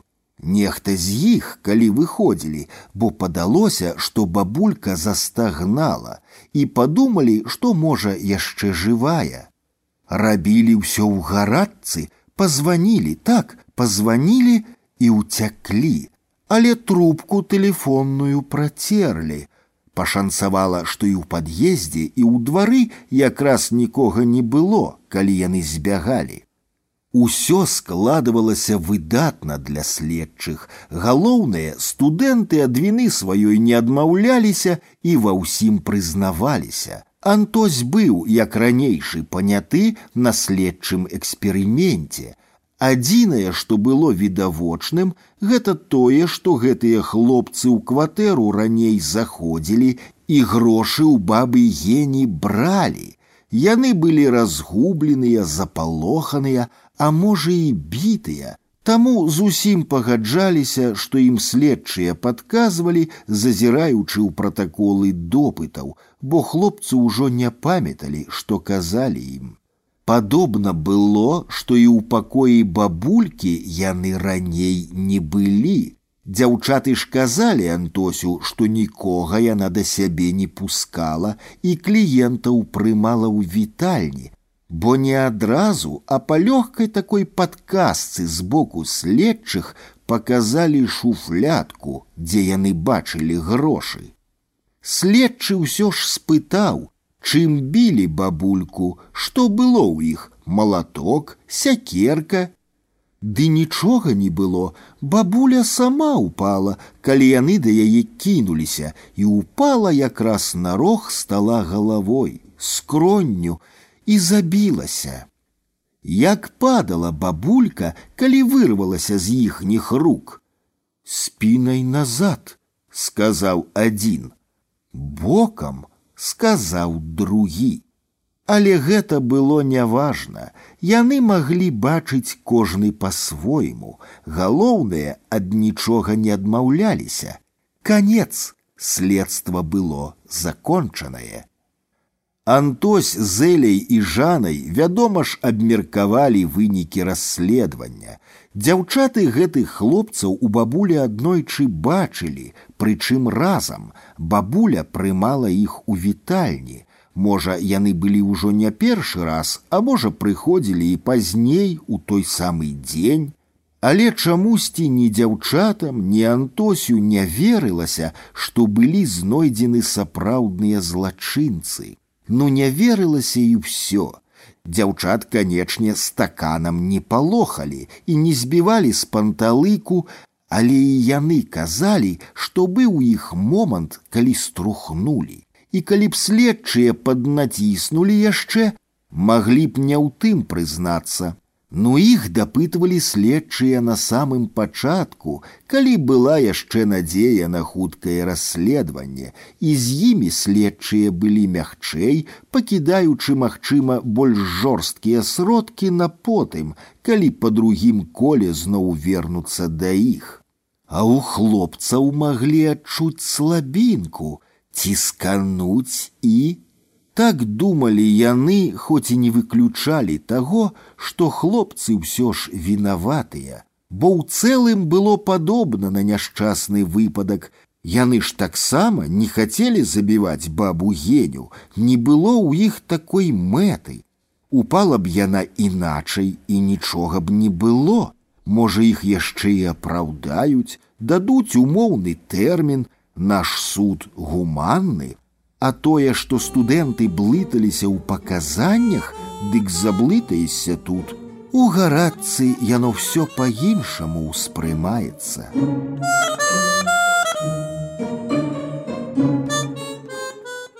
Кнігі без літар. Беларускія аўдыёкнігі ад інтэрнэт-бібліятэкі камунікат.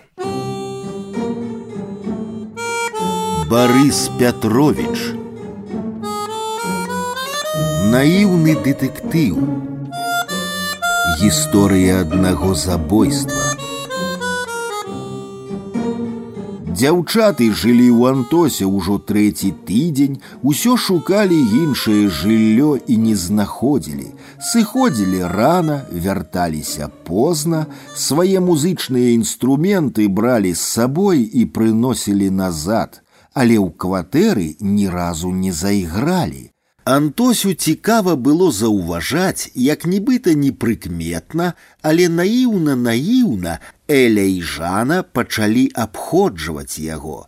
Яны не ведалі, што ён стрэляны верабей, колькі ў яго ўжо было такіх, як яны да іх, сябровак блін.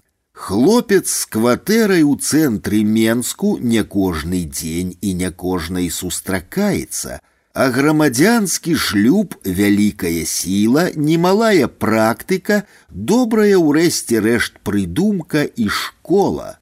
Антось глядзеў на гэтыя іхнія зноў жа наіўныя заляцанні крыху зларадна, як сыты кот глядзіць на глубоў, што знайшлі кавалак батона і думаюць, што з ім рабіць. Адначасова быў і тым катом і тым батонам. Антон Батон посміхнуўся ён сам сабе. Так часам у школе рыфмавалі ягонае імя. Нічога ў вас, дзяўчаткі, не атрымаецца, не па вас кавалак, не дамся, дарэмна вы на гэта разлічваеце.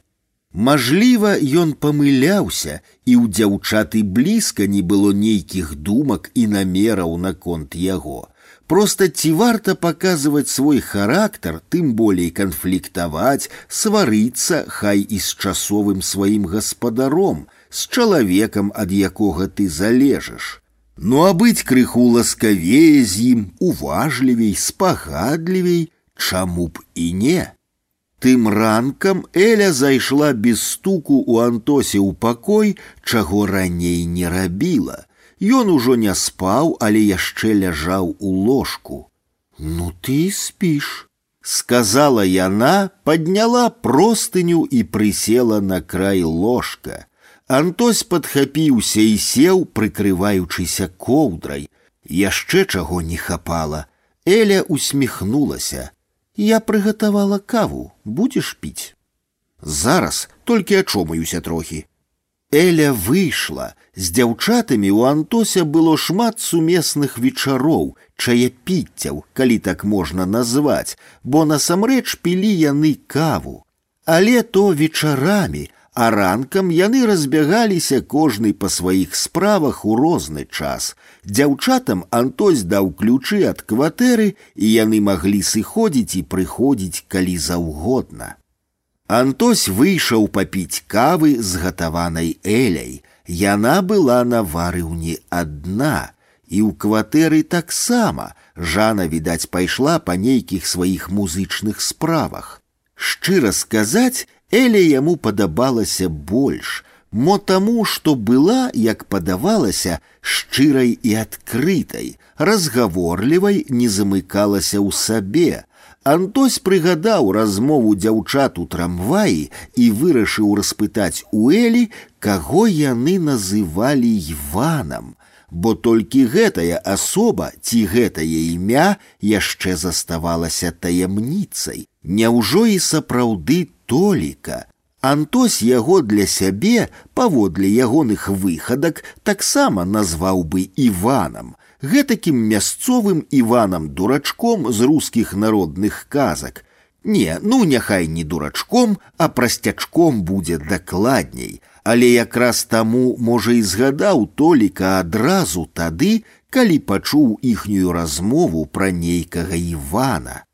Эля задумалася, відаць, успамінала, дзе і калі яны маглі гаварыць пра Івана, а Антось пачуць. Потым сказала: « Сапраўды, за гэтымі допытамі і палоханнямі мы неяк забылі пра яго. Гэта быў не толік, ты дарэмна так думаў. Гэта быў іншы чалавек, значна старэйшы, Не ведаю, колькі гадоў яму было, але з выгляду далёка за 80 Ён прыходзіў да бабулі некалькі разоў. Яны зачыняліся ў яе пакоі і падоўгу пра нешта размаўлялі, менавіта размаўлялі. Потым ён заходзіў да нас і ў нас таксама, як ты выпытваў, хто мы, адкуль, дзе працуюць нашы бацькі, ці ёсць яшчэ дзеці ў сям'і, Ды так падрабязна, што ажно на ваніты цягнула падрабязна нібыта хацеў ведаць выведаць эля замоўкла відаць раздумваючы казаць антосю ці не казаць не сказала працягнула Ён стары і даволі непрыемны тып нават знешне просто брыдкі скажу што не дзіва для ягонага ўзросту лысы, твар у зморшчынах, жаўтлява шэры і ўвесь у гэтакім старэчым рабацінні, плямкамі такімі радзімкамі пабіты. А яшчэ картавасць і старэчая слінявасць, зубы ў яго відаць устаўныя пратэз. Эля адвярнулася да вакна, страсянула галавой. Прабач, успамінаць непрыемна. У той вечар ён павінен быў прыйсці да бабулі, Мы чулі, як яна дамаўлялася з ім па тэлефоне, з ім, бо называла па імені Іван. Але ці прыходзіў ён, не ведаю, хутчэй за ўсё не, бо ён ніколі не прыходзіў рана ці ў дзень. Звычайна гадзіна ў сем вечара, а то і ў восем, калі мы ўжо былі дома. Мы думалі, што бабуля яго зусім не цікавіць, і ён прыходзіць да нас. Мы ўжо казалі табе, з якой умовай пасяліліся ў браніславаўны. Эля крыва посміхнулася і кіўнула галавой. Так, не буду пра гэта. Яна перад засяленнем размаўляла з намі пра тое, намякала і потым, што пара маўляў, а калі з'явіўся гэты стары, перастала і скажу так: час ішоў, а кліенты да нас не прыходзілі, і мы пачалі думаць, што гэты стары плюгавы тып і будзе нашым першым, першым, каму давядзецца, каго давядзецца, відавочна Элі было цяжка прызнавацца Антосю ў гэтым. Ён разумеў, таму не глядзеў ёй у вочы, а нібыта разглядываў кубак з кавай, і яна працягвала. Першым, каго давядзецца прыняць. Разумееш, абслужыць і размова ідзе паміж ім і бабуляй пра грошы колькі гэта будзе яму каштаваць бо ён першы і яны згаварыцца не могуць у кошце эля помаўчала і сказала о господи як я стамілася як я стамілася чакаць калі прыйдзе той кліент пра якога казала баба гертруда пры дамове аб пасяленні ў яе Я так стамілася за тыя некалькі тыдняў, што была ўжо гатовая збегчы, сысці адсюль, куды вочы глядзяць. Нервы былі напятыя, на мяжы. А тут яшчэ гэтыя пасядзелкі з Іванам, які казаў правільныя рэчы і нібыта намякаў, што не трэба нам гэтым займацца, быццам мы займаліся ўжо, што вы маладыя і ў вас жыццё наперадзе. А мне здавалася, што гэты стары прабач ананіст так нас угаворвае і прывучае да сябе. Думаю, што ён прыходзіў і ў той вечар, калі бабулі не стала. Як звычайна, зноў позна, пасля нас гадзіну восем, але ўбачыў, што ў пад'ездзе міліцыя і не зайшоў. Во спытаў, дык спытаў подумаў Антось. Ён быў уражаны шчырасцю Элі абсалютна нечаканай, магла б так падрабязна і не распісваць тыя сустрэчы з Іванам. Чаму яна раптам даверылася яму, не мог зразумець. Дзяўчаты яны такія, часта непрадказальныя. Мажліва, яна нейкім чынам адчула ягоную сімпатыю да яе, рассказала все так, што ў яго пытанняў да яе не было. І Івана Антось таксама, як і яна, адкінуў з падазроных. Што пра яго гаварыць, калі хлопцы ўжо прызналіся і хутка ці не хутка, але будзе суд. Іван Іванам, а навошта быць такой шчырай у падрабязнасцях. Антось жа спытаў яе толькі пра яго, сказала б, што не памятае, пра што яны там размаўлялі ў трамваі і не ведае нічога, ці пагадзілася, што гэта толік і больш пытанняў не было б, Антось поверыў бы. Здаецца, дзень быў суботні, і Антось нікуды не спяшаў, нікуды не збіраўся ісці. Яны пілі каву, гутарылі і, як сталася так, што ў той кававы ранак Антось з зэлей апынуліся ў ложку, ён абсалютна не памятае. Шчыра не памятае, бо не жадаў ён таго і блізка. На яго нібыта найшло нейкае зацьменне, калі ўбачыў, як з-пад расшпіленага халаціка выбліснула калена Элі, і нага агалілася далей. А затым Эля, поцягнуўшыся да печыва, няўзнак дакранулася да яго сваімі грудзямі, як дыхнуў на яго яе гарачы пах, усё гэта адбылося ў нейкім туманным мроеве, ад шмурэнні, імгненным і неспланаваным. Прынамсі антосем, хоць у яго таксама даўно ўжо не было дзяўчыны, больш за месяц. Калі яны былі ў ложку, дзверы раптам расчыніліся і да іх зайшла жана. Аказваецца, нікуды яна не з'ехала, а была ў суседнім пакоі. Два раўно тры. Паспеў яшчэ падумаць Антось. Вось як яно насамрэч. А потым яны заснулі, заснулі пасярод белага дня, як дзеці ў дзіцячым садку.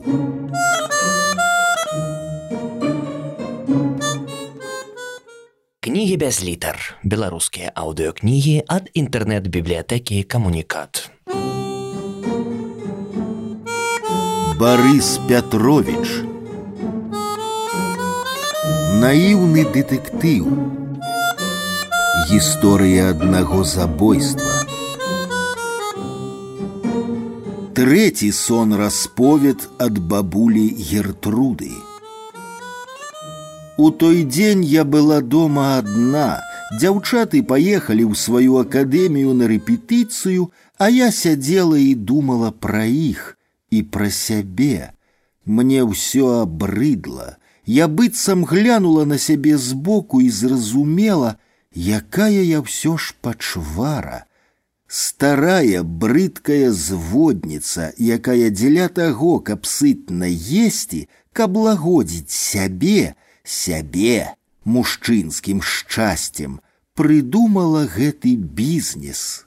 Я не хацела называць тое, што раблю бізнесам, але іншага слова прыдумаць не магла. Я думала раней, дакладней апраўдвала сябе тым, што дапамагаю бедным дзяўчаткам выжываць у гэтым жорсткім свеце, а насамрэч, Чаму я раптам задумалася пра гэта? Ну, на сёе тое мне раскрылі вочы гутаркі з Іванам, ці правільней Айванам, так ён сам сябе называў. А Іван прыйшоў да мяне ў адрозненні ад іншых без папярэдняга тэлефоннага званка. Недзе на самым пачатку верасня я сядзела ў сваёй кватэры і чакала новых дзяўчат кватарантак. З імі было ўжо ўсё дамоўлена, са сняжанай і эльвірай мяне пазнаёмілі як гэта стала ўжо звычайнай практыкай, зрабілі гэта дзяўчаты, што жылі ў мяне дагэтуль, але з'язджалі, бо скончылі вучобу. Я чакала дзяўчат, калі пачула званок у дзверы. Прыйшлі, подумала я і не паглядзеўшы ў вочка, хоць гэта было маім заўсёдным правілам, адчыніла дзверы. На парозе стаяў мужчына, вельмі стары мужчына, дзядок. Такія звычайна да мяне не прыходзілі, і ён раней не быў ні разу. Просто памыліўся, подумала я і запытальна груба гэтак зірнула на яго. Ну, маўляў, што трэба? Ён глядзеў на мяне ва ўсе свае падслепаватыя вочы, а потым з такім кіношным старэчым габрэйскім акцэнтам спытаў: « Вас завуць Гертруда? Што мне было ўтойваць? Так, сказала я. Можна мне да вас зайсці, а то неяк нязручна на парозе. А мне зручна, што вам трэба? І тады ён адразу сказаў фразу, ад якой я ледзь не села. Я твой бацька. Я ведала, што Бранніслаў Вітольдавіч не мой сапраўдны тата. Мне мама пра тое сказала, але хто быў мой бацька, дзе ён і нават як яго завуць, ведаць не магла. Скарыстаўшы маю разгубленасць, дзядок зайшоў у кватэру. Ну што, выганяць я яго не стала, дапамагла зняць лёгкі плашчык і капялюш, што былі на ім, правяла на кухню, прапанавала каву ці гарбату, ён адмовіўся, і тады я сказала: « Я вас слухаю, і ён расказаў сваю гісторыю. Яны былі маладымі і дурнымі з маёй мамай, кахалі адно аднаго занадта моцна, каб пражыць усё жыццё разам.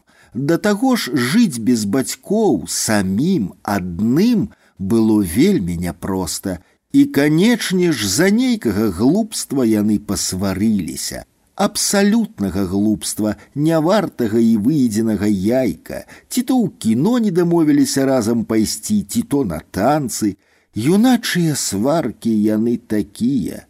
Мама кінула яго і вярнулася да бацькоў.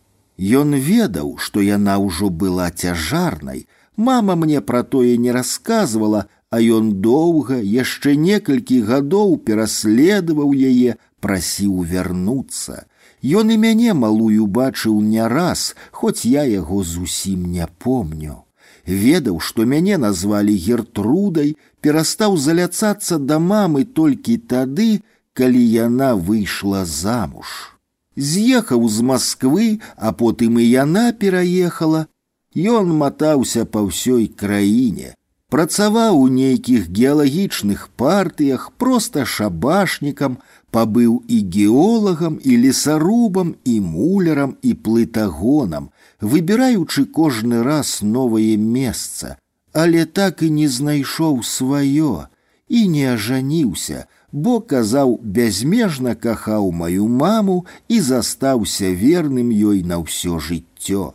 А калі габрэяў пачалі пускаць у Ізраіль, паехаў доўга не думаючы, пажыў у Амерыцы, потым у Францыі, у Германіі, словам зноў паматаўся па свеце, памяняў дзясятак прафесій, спыніўся ўрэшце ў Іспаніі. Адтуль ён і прыехаў у Менск, бо не тое, каб адсочваў лёс маёй мамы і мой, але сёе тое ведаў. Прынамсі, што з цалінаграда мы пераехалі ў Беларусь. Як ён мяне знайшоў, на двухмільённы Менск гертрудаў было ўсяго дзве. Я і яшчэ адна жанчына, паэтка. І паколькі я жыла каля вакзала, да мяне ён прыйшоў першай. І, убачыўшы мяне, з першага погляду разгледзеў ува мне рысы сваёй каханай і яе маці, маёй бабулі. Таму і сказаў адразу: « Я твой бацька. Потым ён прыходзіў да мяне яшчэ некалькі разоў, мы з ім падоўгу гутарылі. Я глядзела на яго і думала: Я Іванаўна, а не браніславаўна, а Гертруда Іванаўна гучыць зусім па-іншаму, чым браніславаўна, і мякчэй і прыгажэй. Усё мне ў ім падабалася, і манера гаварыць, і акцэнт, і нават тая глыбокая старасць, якая адбілася і на ягоным твары і на паходцы, менавіта такім я і бачыла свайго бацьку і шкадавала толькі, што занадта позна мы сустрэліся. Ён быў цікавым суразмоўцам, нашмат што раскрыў мне вочы, яму вельмі спадабаліся мае новыя дзяўчаты. Ён і з імі бывала заседжваўся падоўгу, я ім нічога не казала, хоць і бачыла, што ён ім дужа не падабаецца, што бачаць яны ў ім не таго, кім ён ёсць. Я пасміхалася сабе, думаючы, што будзе, калі я ім раскажу праўду і калі скажу, што працаваць ім не давядзецца. Яны добрыя дзяўчынкі, чыстыя, і ў мяне сабралася грошай, каб прынамсі не браць з іх за кватэру. Я ведала, што ім тая праца не трэба, але куды ж падзенешся, калі само жыццё прымушае. Я смакавала, як абрадую іх, але адцягвала размову да ягонага ад'езду. Калі Айван даведаўся, чым я займаюся, чым зарабляю на жыццё, а я на самым пачатку з гонарам расказала яму, пахвалілася пра свой бізнес. Ён сказаў мне: ты трапіла ў тую ж пастку, што і твае дзед і баба, і адкуль хацела вырвацца твоя мама. Яны таксама хацелі лепшага жыцця і па-свойму разумелі тое. Твае дзед і баба былі неадукаванымі самавукамі, сялянскімі дзецьмі, якія дарваліся да ўлады не дурнямі, але нахапаліся вяршкоў ведаў, да якіх дадалі вясковую жыццёвую хітрасць, як і большасць тых невукаў ці недавучак з народа, што былі тады ў трыцатыя гады пры ўладзе. Сталін варашылаў молатаў каганович будзёны хрушчоў, бо сапраўдных бальшавікоў, інтэлігентаў і вучоных, Сталін выразаў, пачынаючы з двадцатых гадоў, ці прымусіў эміграваць. Твая мама ў дзяцінстве наслухалася размоваў сваіх бацькоў начамі. Каго яшчэ здаць і куды прыхаваць багацце, здабытае ад арыштаваных ды рэпрэсаваных, бо яны думалі, што дзіцё нічога не разумее ці не чуе, а таму, як толькі з'явілася нагода, уцякла ад іх, казала, каб адмыць карму. Спачатку са мной, а потым з'ехала ў Казахстан, пакінуўшы набітую добром кватэру ў знакамітым доме на набярэжнай. А вось ты на новым павароце жыцця занялася амаль тым жа, па-іншаму, але тым жа, ламаннем чалавечых дзявочых лёсаў. Дзеля чаго, каб жыць лепей, сытней, Ці не таго ж жадалі твае дзед і баба, і ці задумвалася ты над тым, што стала з дзяўчатамі, якія скончылі вучобу і раз'ехаліся па сваіх мястэчках, ці адсочвала іхні далейшы лёс. Не, а як ты думаеш, змогуць яны жыць далей за капейкі на дзяржаўнай працы і ці не вернуцца да таго, чаму ты іх навучыла? Не здагадваешся, і табе не шкада іх. І гэтак далей. З размоваў за Іванам я зразумела тое, што, вядома ж, ведала і без яго, але неяк не надавала таму значэння, бо лічыла прапіснымі ісцінамі, светам правяць добро і зло, і таму можна, робячы добро, нарабіць зла. А насамрэч не рабіць зло можа быць важней, чым рабіць добро.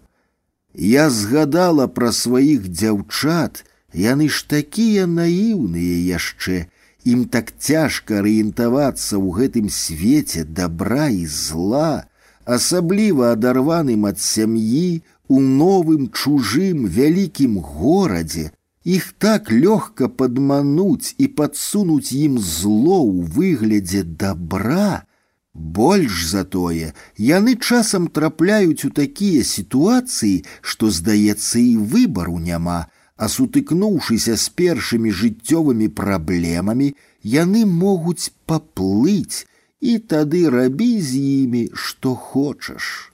І некаторыя, такія як я, карыстаюцца гэтым, называючы зло бізнесам, абгортваючы зло ў прыгожую паперу з карункамі, прапануючы нібыта лёгкае, а часам нават камусьці з іх і прыемнае выйсце.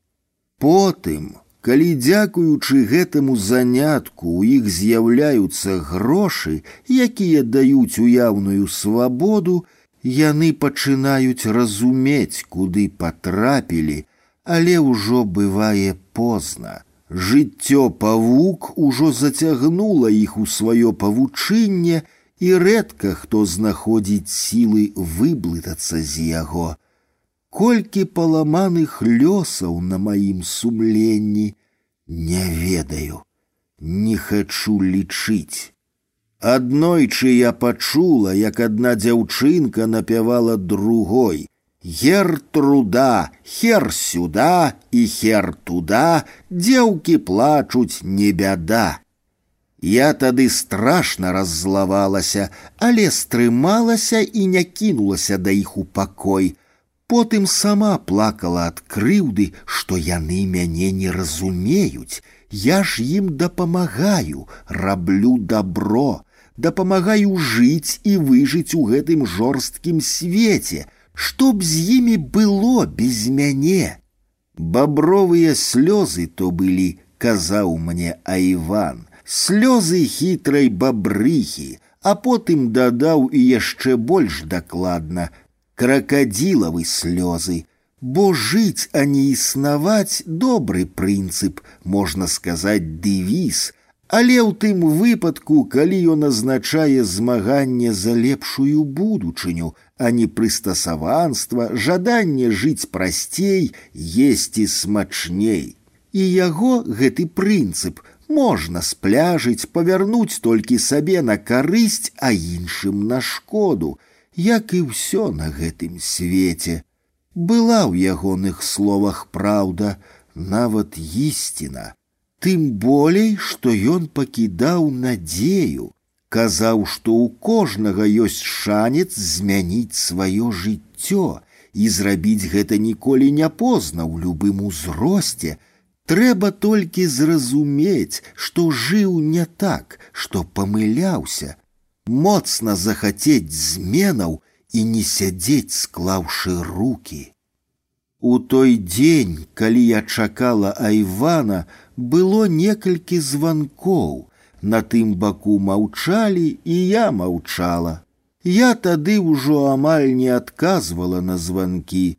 Першы раз між думак я чамусьці падняла трубку і маўчала, спадзяючыся пачуць умоўныя словы, але маўчалі і з таго боку. А потым мне стала цікава, што ж гэта за маўчун такі тэлефануе. Розных мужчын я сустракала, розных слухала па тэлефоне, але маўчуноў сярод іх было мала. Дакладней зусім не было. Хоць неяк ды адважваліся выціснуць з сябе колькі словаў, бо ведалі, чаму званілі. Тым болей не маўчалі тыя, хто ведаў запаветныя словы, наш пароль. А тут цішыня. Ну цішыня і цішыня. Мне тым больш ты не трэба, бо я ўжо ўсё вырашыла, з бізнесам заканчваю, а дзяўчаткам новым памагу. Як змагу, чым змагу. У гэты дзень Айван, Іван, мой бацька, прыйшоў раней, чым звычайна, прынёс кветкі, ружы, упершыню за нашае знаёмства. Аказваецца, ён збіраўся ўжо ад'язджаць. Месяц, які яму можна было пабыць у нас без візы, сканчаўся, Білет на самалёт у яго быў на заўтрашнюю раніцу, але ён паабяцаў у хуткім часе вярнуцца, раз ужо мяне знайшоў. Мы доўга з ім гаварылі і не маглі нагаварыцца. Я нарэшце знайшла свайго суразмоўцу. Я не хацела з ім развітвацца, але ён настойваў, што яму трэба ісці і абяцаў яшчэ прыехаць неўзабаве.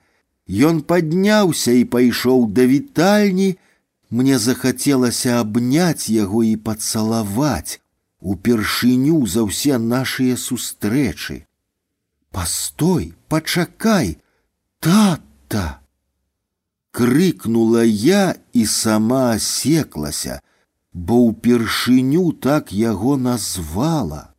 Пачакай, спыніся, тата. Ён не азірнуўся, а я падхапілася, каб пераняць яго, пакуль апранаецца, але падкаўзнулася, не ведаю як, на чым і чаму, просто нога раптам подвярнулася, я упала і ударылася галавой аб рог стола. Яшчэ падхапілася ў гарадцы да яго і зноў упала. Я бачыла, як ён плакаў надо мною, клянуся, бачыла, сухімі старэчымі вачыма без слёз плакаў А потым патэлефанаваў у хуткую і сышоў.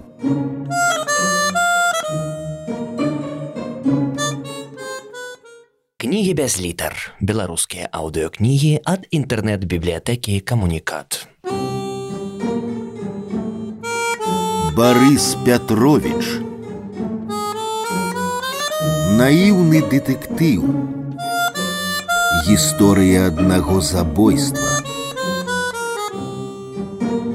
Ліст ада Івана у генеральную прокуратуру Республики Беларусь от громадянина Королевства Испания Айвана заява.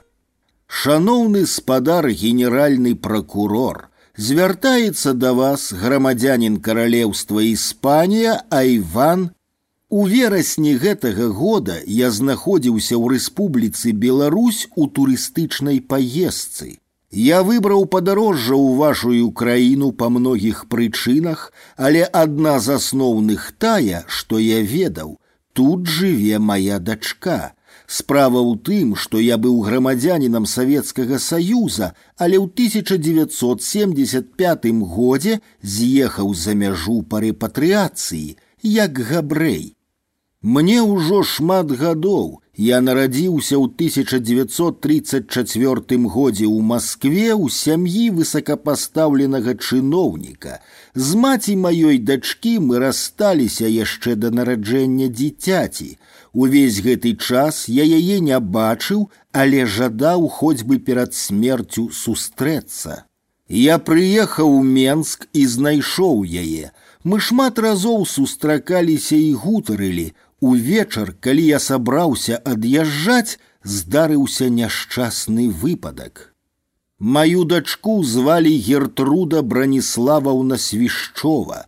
Думаю, вам гэтае імя і прозвішча знаёмыя, бо справа пра яе забойства прагучала на ўсю Беларусь, і два студэнты, якіх абвінавацілі ў злачынстве, былі асуджаныя на пажыццёвае зняволенне. Я рады, што іх не расстралялі, бо ведаю, што ў вашай краіне адзінай у Еўропе яшчэ выконваюцца смяротныя прысуды. Калі б гэта здарылася, я вам не пісаў бы, а пэўна даўно пакончыў бы з сабой, бо ў смерці маёй дачкі хертруды вінаваты я і толькі я. У той апошні вечар мы з ёй доўга гутарылі, я ведаў ужо, што яна, не могучы пражыць на беларускую пенсію, прыдумала сабе бізнес, брала на кватэру маладых дзяўчат, а потым прымушала іх аддавацца мужчынам за грошы. Пішу прымушала, хоць яна казала, што нават угаворваць іх падоўгу не даводзілася. Яны хутка пагаджаліся на такую працу і на такія заробкі сабой, сваім целам дакладней. Калі ў першыя разы Гертруда яшчэ нібыта ганарылася сваім бізнесам, то паступова, можа быць, пад уплывам нашых гутарак, яна вырашыла адмовіцца ад яго, я размаўляў з тымі мілымі наіўнымі дзяўчаткамі, што жылі ў яе ўжо гатовыя да працы, даруйце, калі трэба нават са мной, старым, аж занадта старым для іх мужчынам, дзедам, дзядулем. І мне шкада было іх, бо я ведаў, як гэта ўрэшце рэшт разбэшчвае негатовых да такіх выпрабаванняў жанчын, і губіць іх.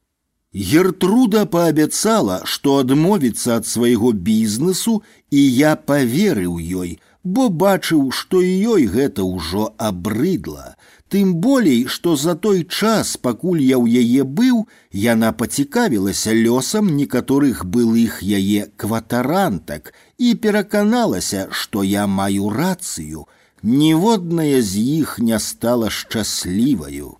Я паабяцаў, што буду гертрудзе раз у тры месяцы прысылаць грошы, якіх хопіць ёй і нават яе дзяўчатам, а таксама сказаў, што пакіну ёй у спадчыну свой дом на ўзбярэжжы пад барселонай і ўсё, што маю на рахунку, а гэта нашмат больш за мільён еўра. У той апошні вечар яна доўга не хацела мяне адпускаць. Я прыйшоў раней, чым звычайна і хацеў сысці таксама раней, бо трэба было яшчэ сабраць рэчы. Самалёт вылятаў а палове пятай раніцы, а значыць, ужо ў дзве гадзіны ночы мне трэба было быць у аэрапорце. Яна не хацела мяне адпускаць, і я яе разумею. Калі я ўрэшце ўстаў і пайшоў апранацца, бо адкладваць далей немагчыма было, яна падхапілася з фатэля ўслед за мной і раптам упала і ударылася галавой аб рог стала, падхапілася яшчэ і зноў упала. Яна памерла амаль адразу, я нічога не мог зрабіць. Я апрануўся і сышоў з кватэры, пакінуўшы дзверы адчыненымі. Чаму я сышоў, змаладушнічаў, не ведаю, не растлумачу, але сышоў. Цяпер мне сорамна, а тады я ведаў, што мяне ніхто не бачыў, як я прыйшоў, таму патэлефанаваў у хуткую, працёр хусцінкай слухаўку і сышоў а ранкам вылецеў дамоў. Мне так не хацелася больш заставацца тут. Я сачыў за гэтай справай, хоць і было няпроста. У вас закрытая краіна, інфармацыі зусім мала, нарэшце я ўбачыў звесткі пра прысуд. Я не думаў, што з-за мяне асудзяць маладых людзей. Думаў, лёгка будзе прызнана, што гэта няшчасны выпадак, сама упала выпадкова і загінула. Мне думалася, што вашыя эксперты лёгка вызначаць гэта, хоць бы папаставіць цела. Але вашыя следчыя пастараліся і знайшлі забойцаў, якія зусім не забойцы. Я ведаю дакладна, што яны не вінаватыя ні ў чым і гатовы даказаць пад прысягаю і на дэтэктары маны. Мне вельмі шкада гэтых хлопцаў, бо я ўяўляю, праз што ім давялося прайсці. Я гатовы прыняць любое пакаранне за сваю віну, калі вы прызнаеце, што яна ёсць, бо разумею, забойства чалавека ёсць забойства. Нават калі яно не наўмыснае, а самазабойства, і патрабуе дакладнага разбіральніцтва.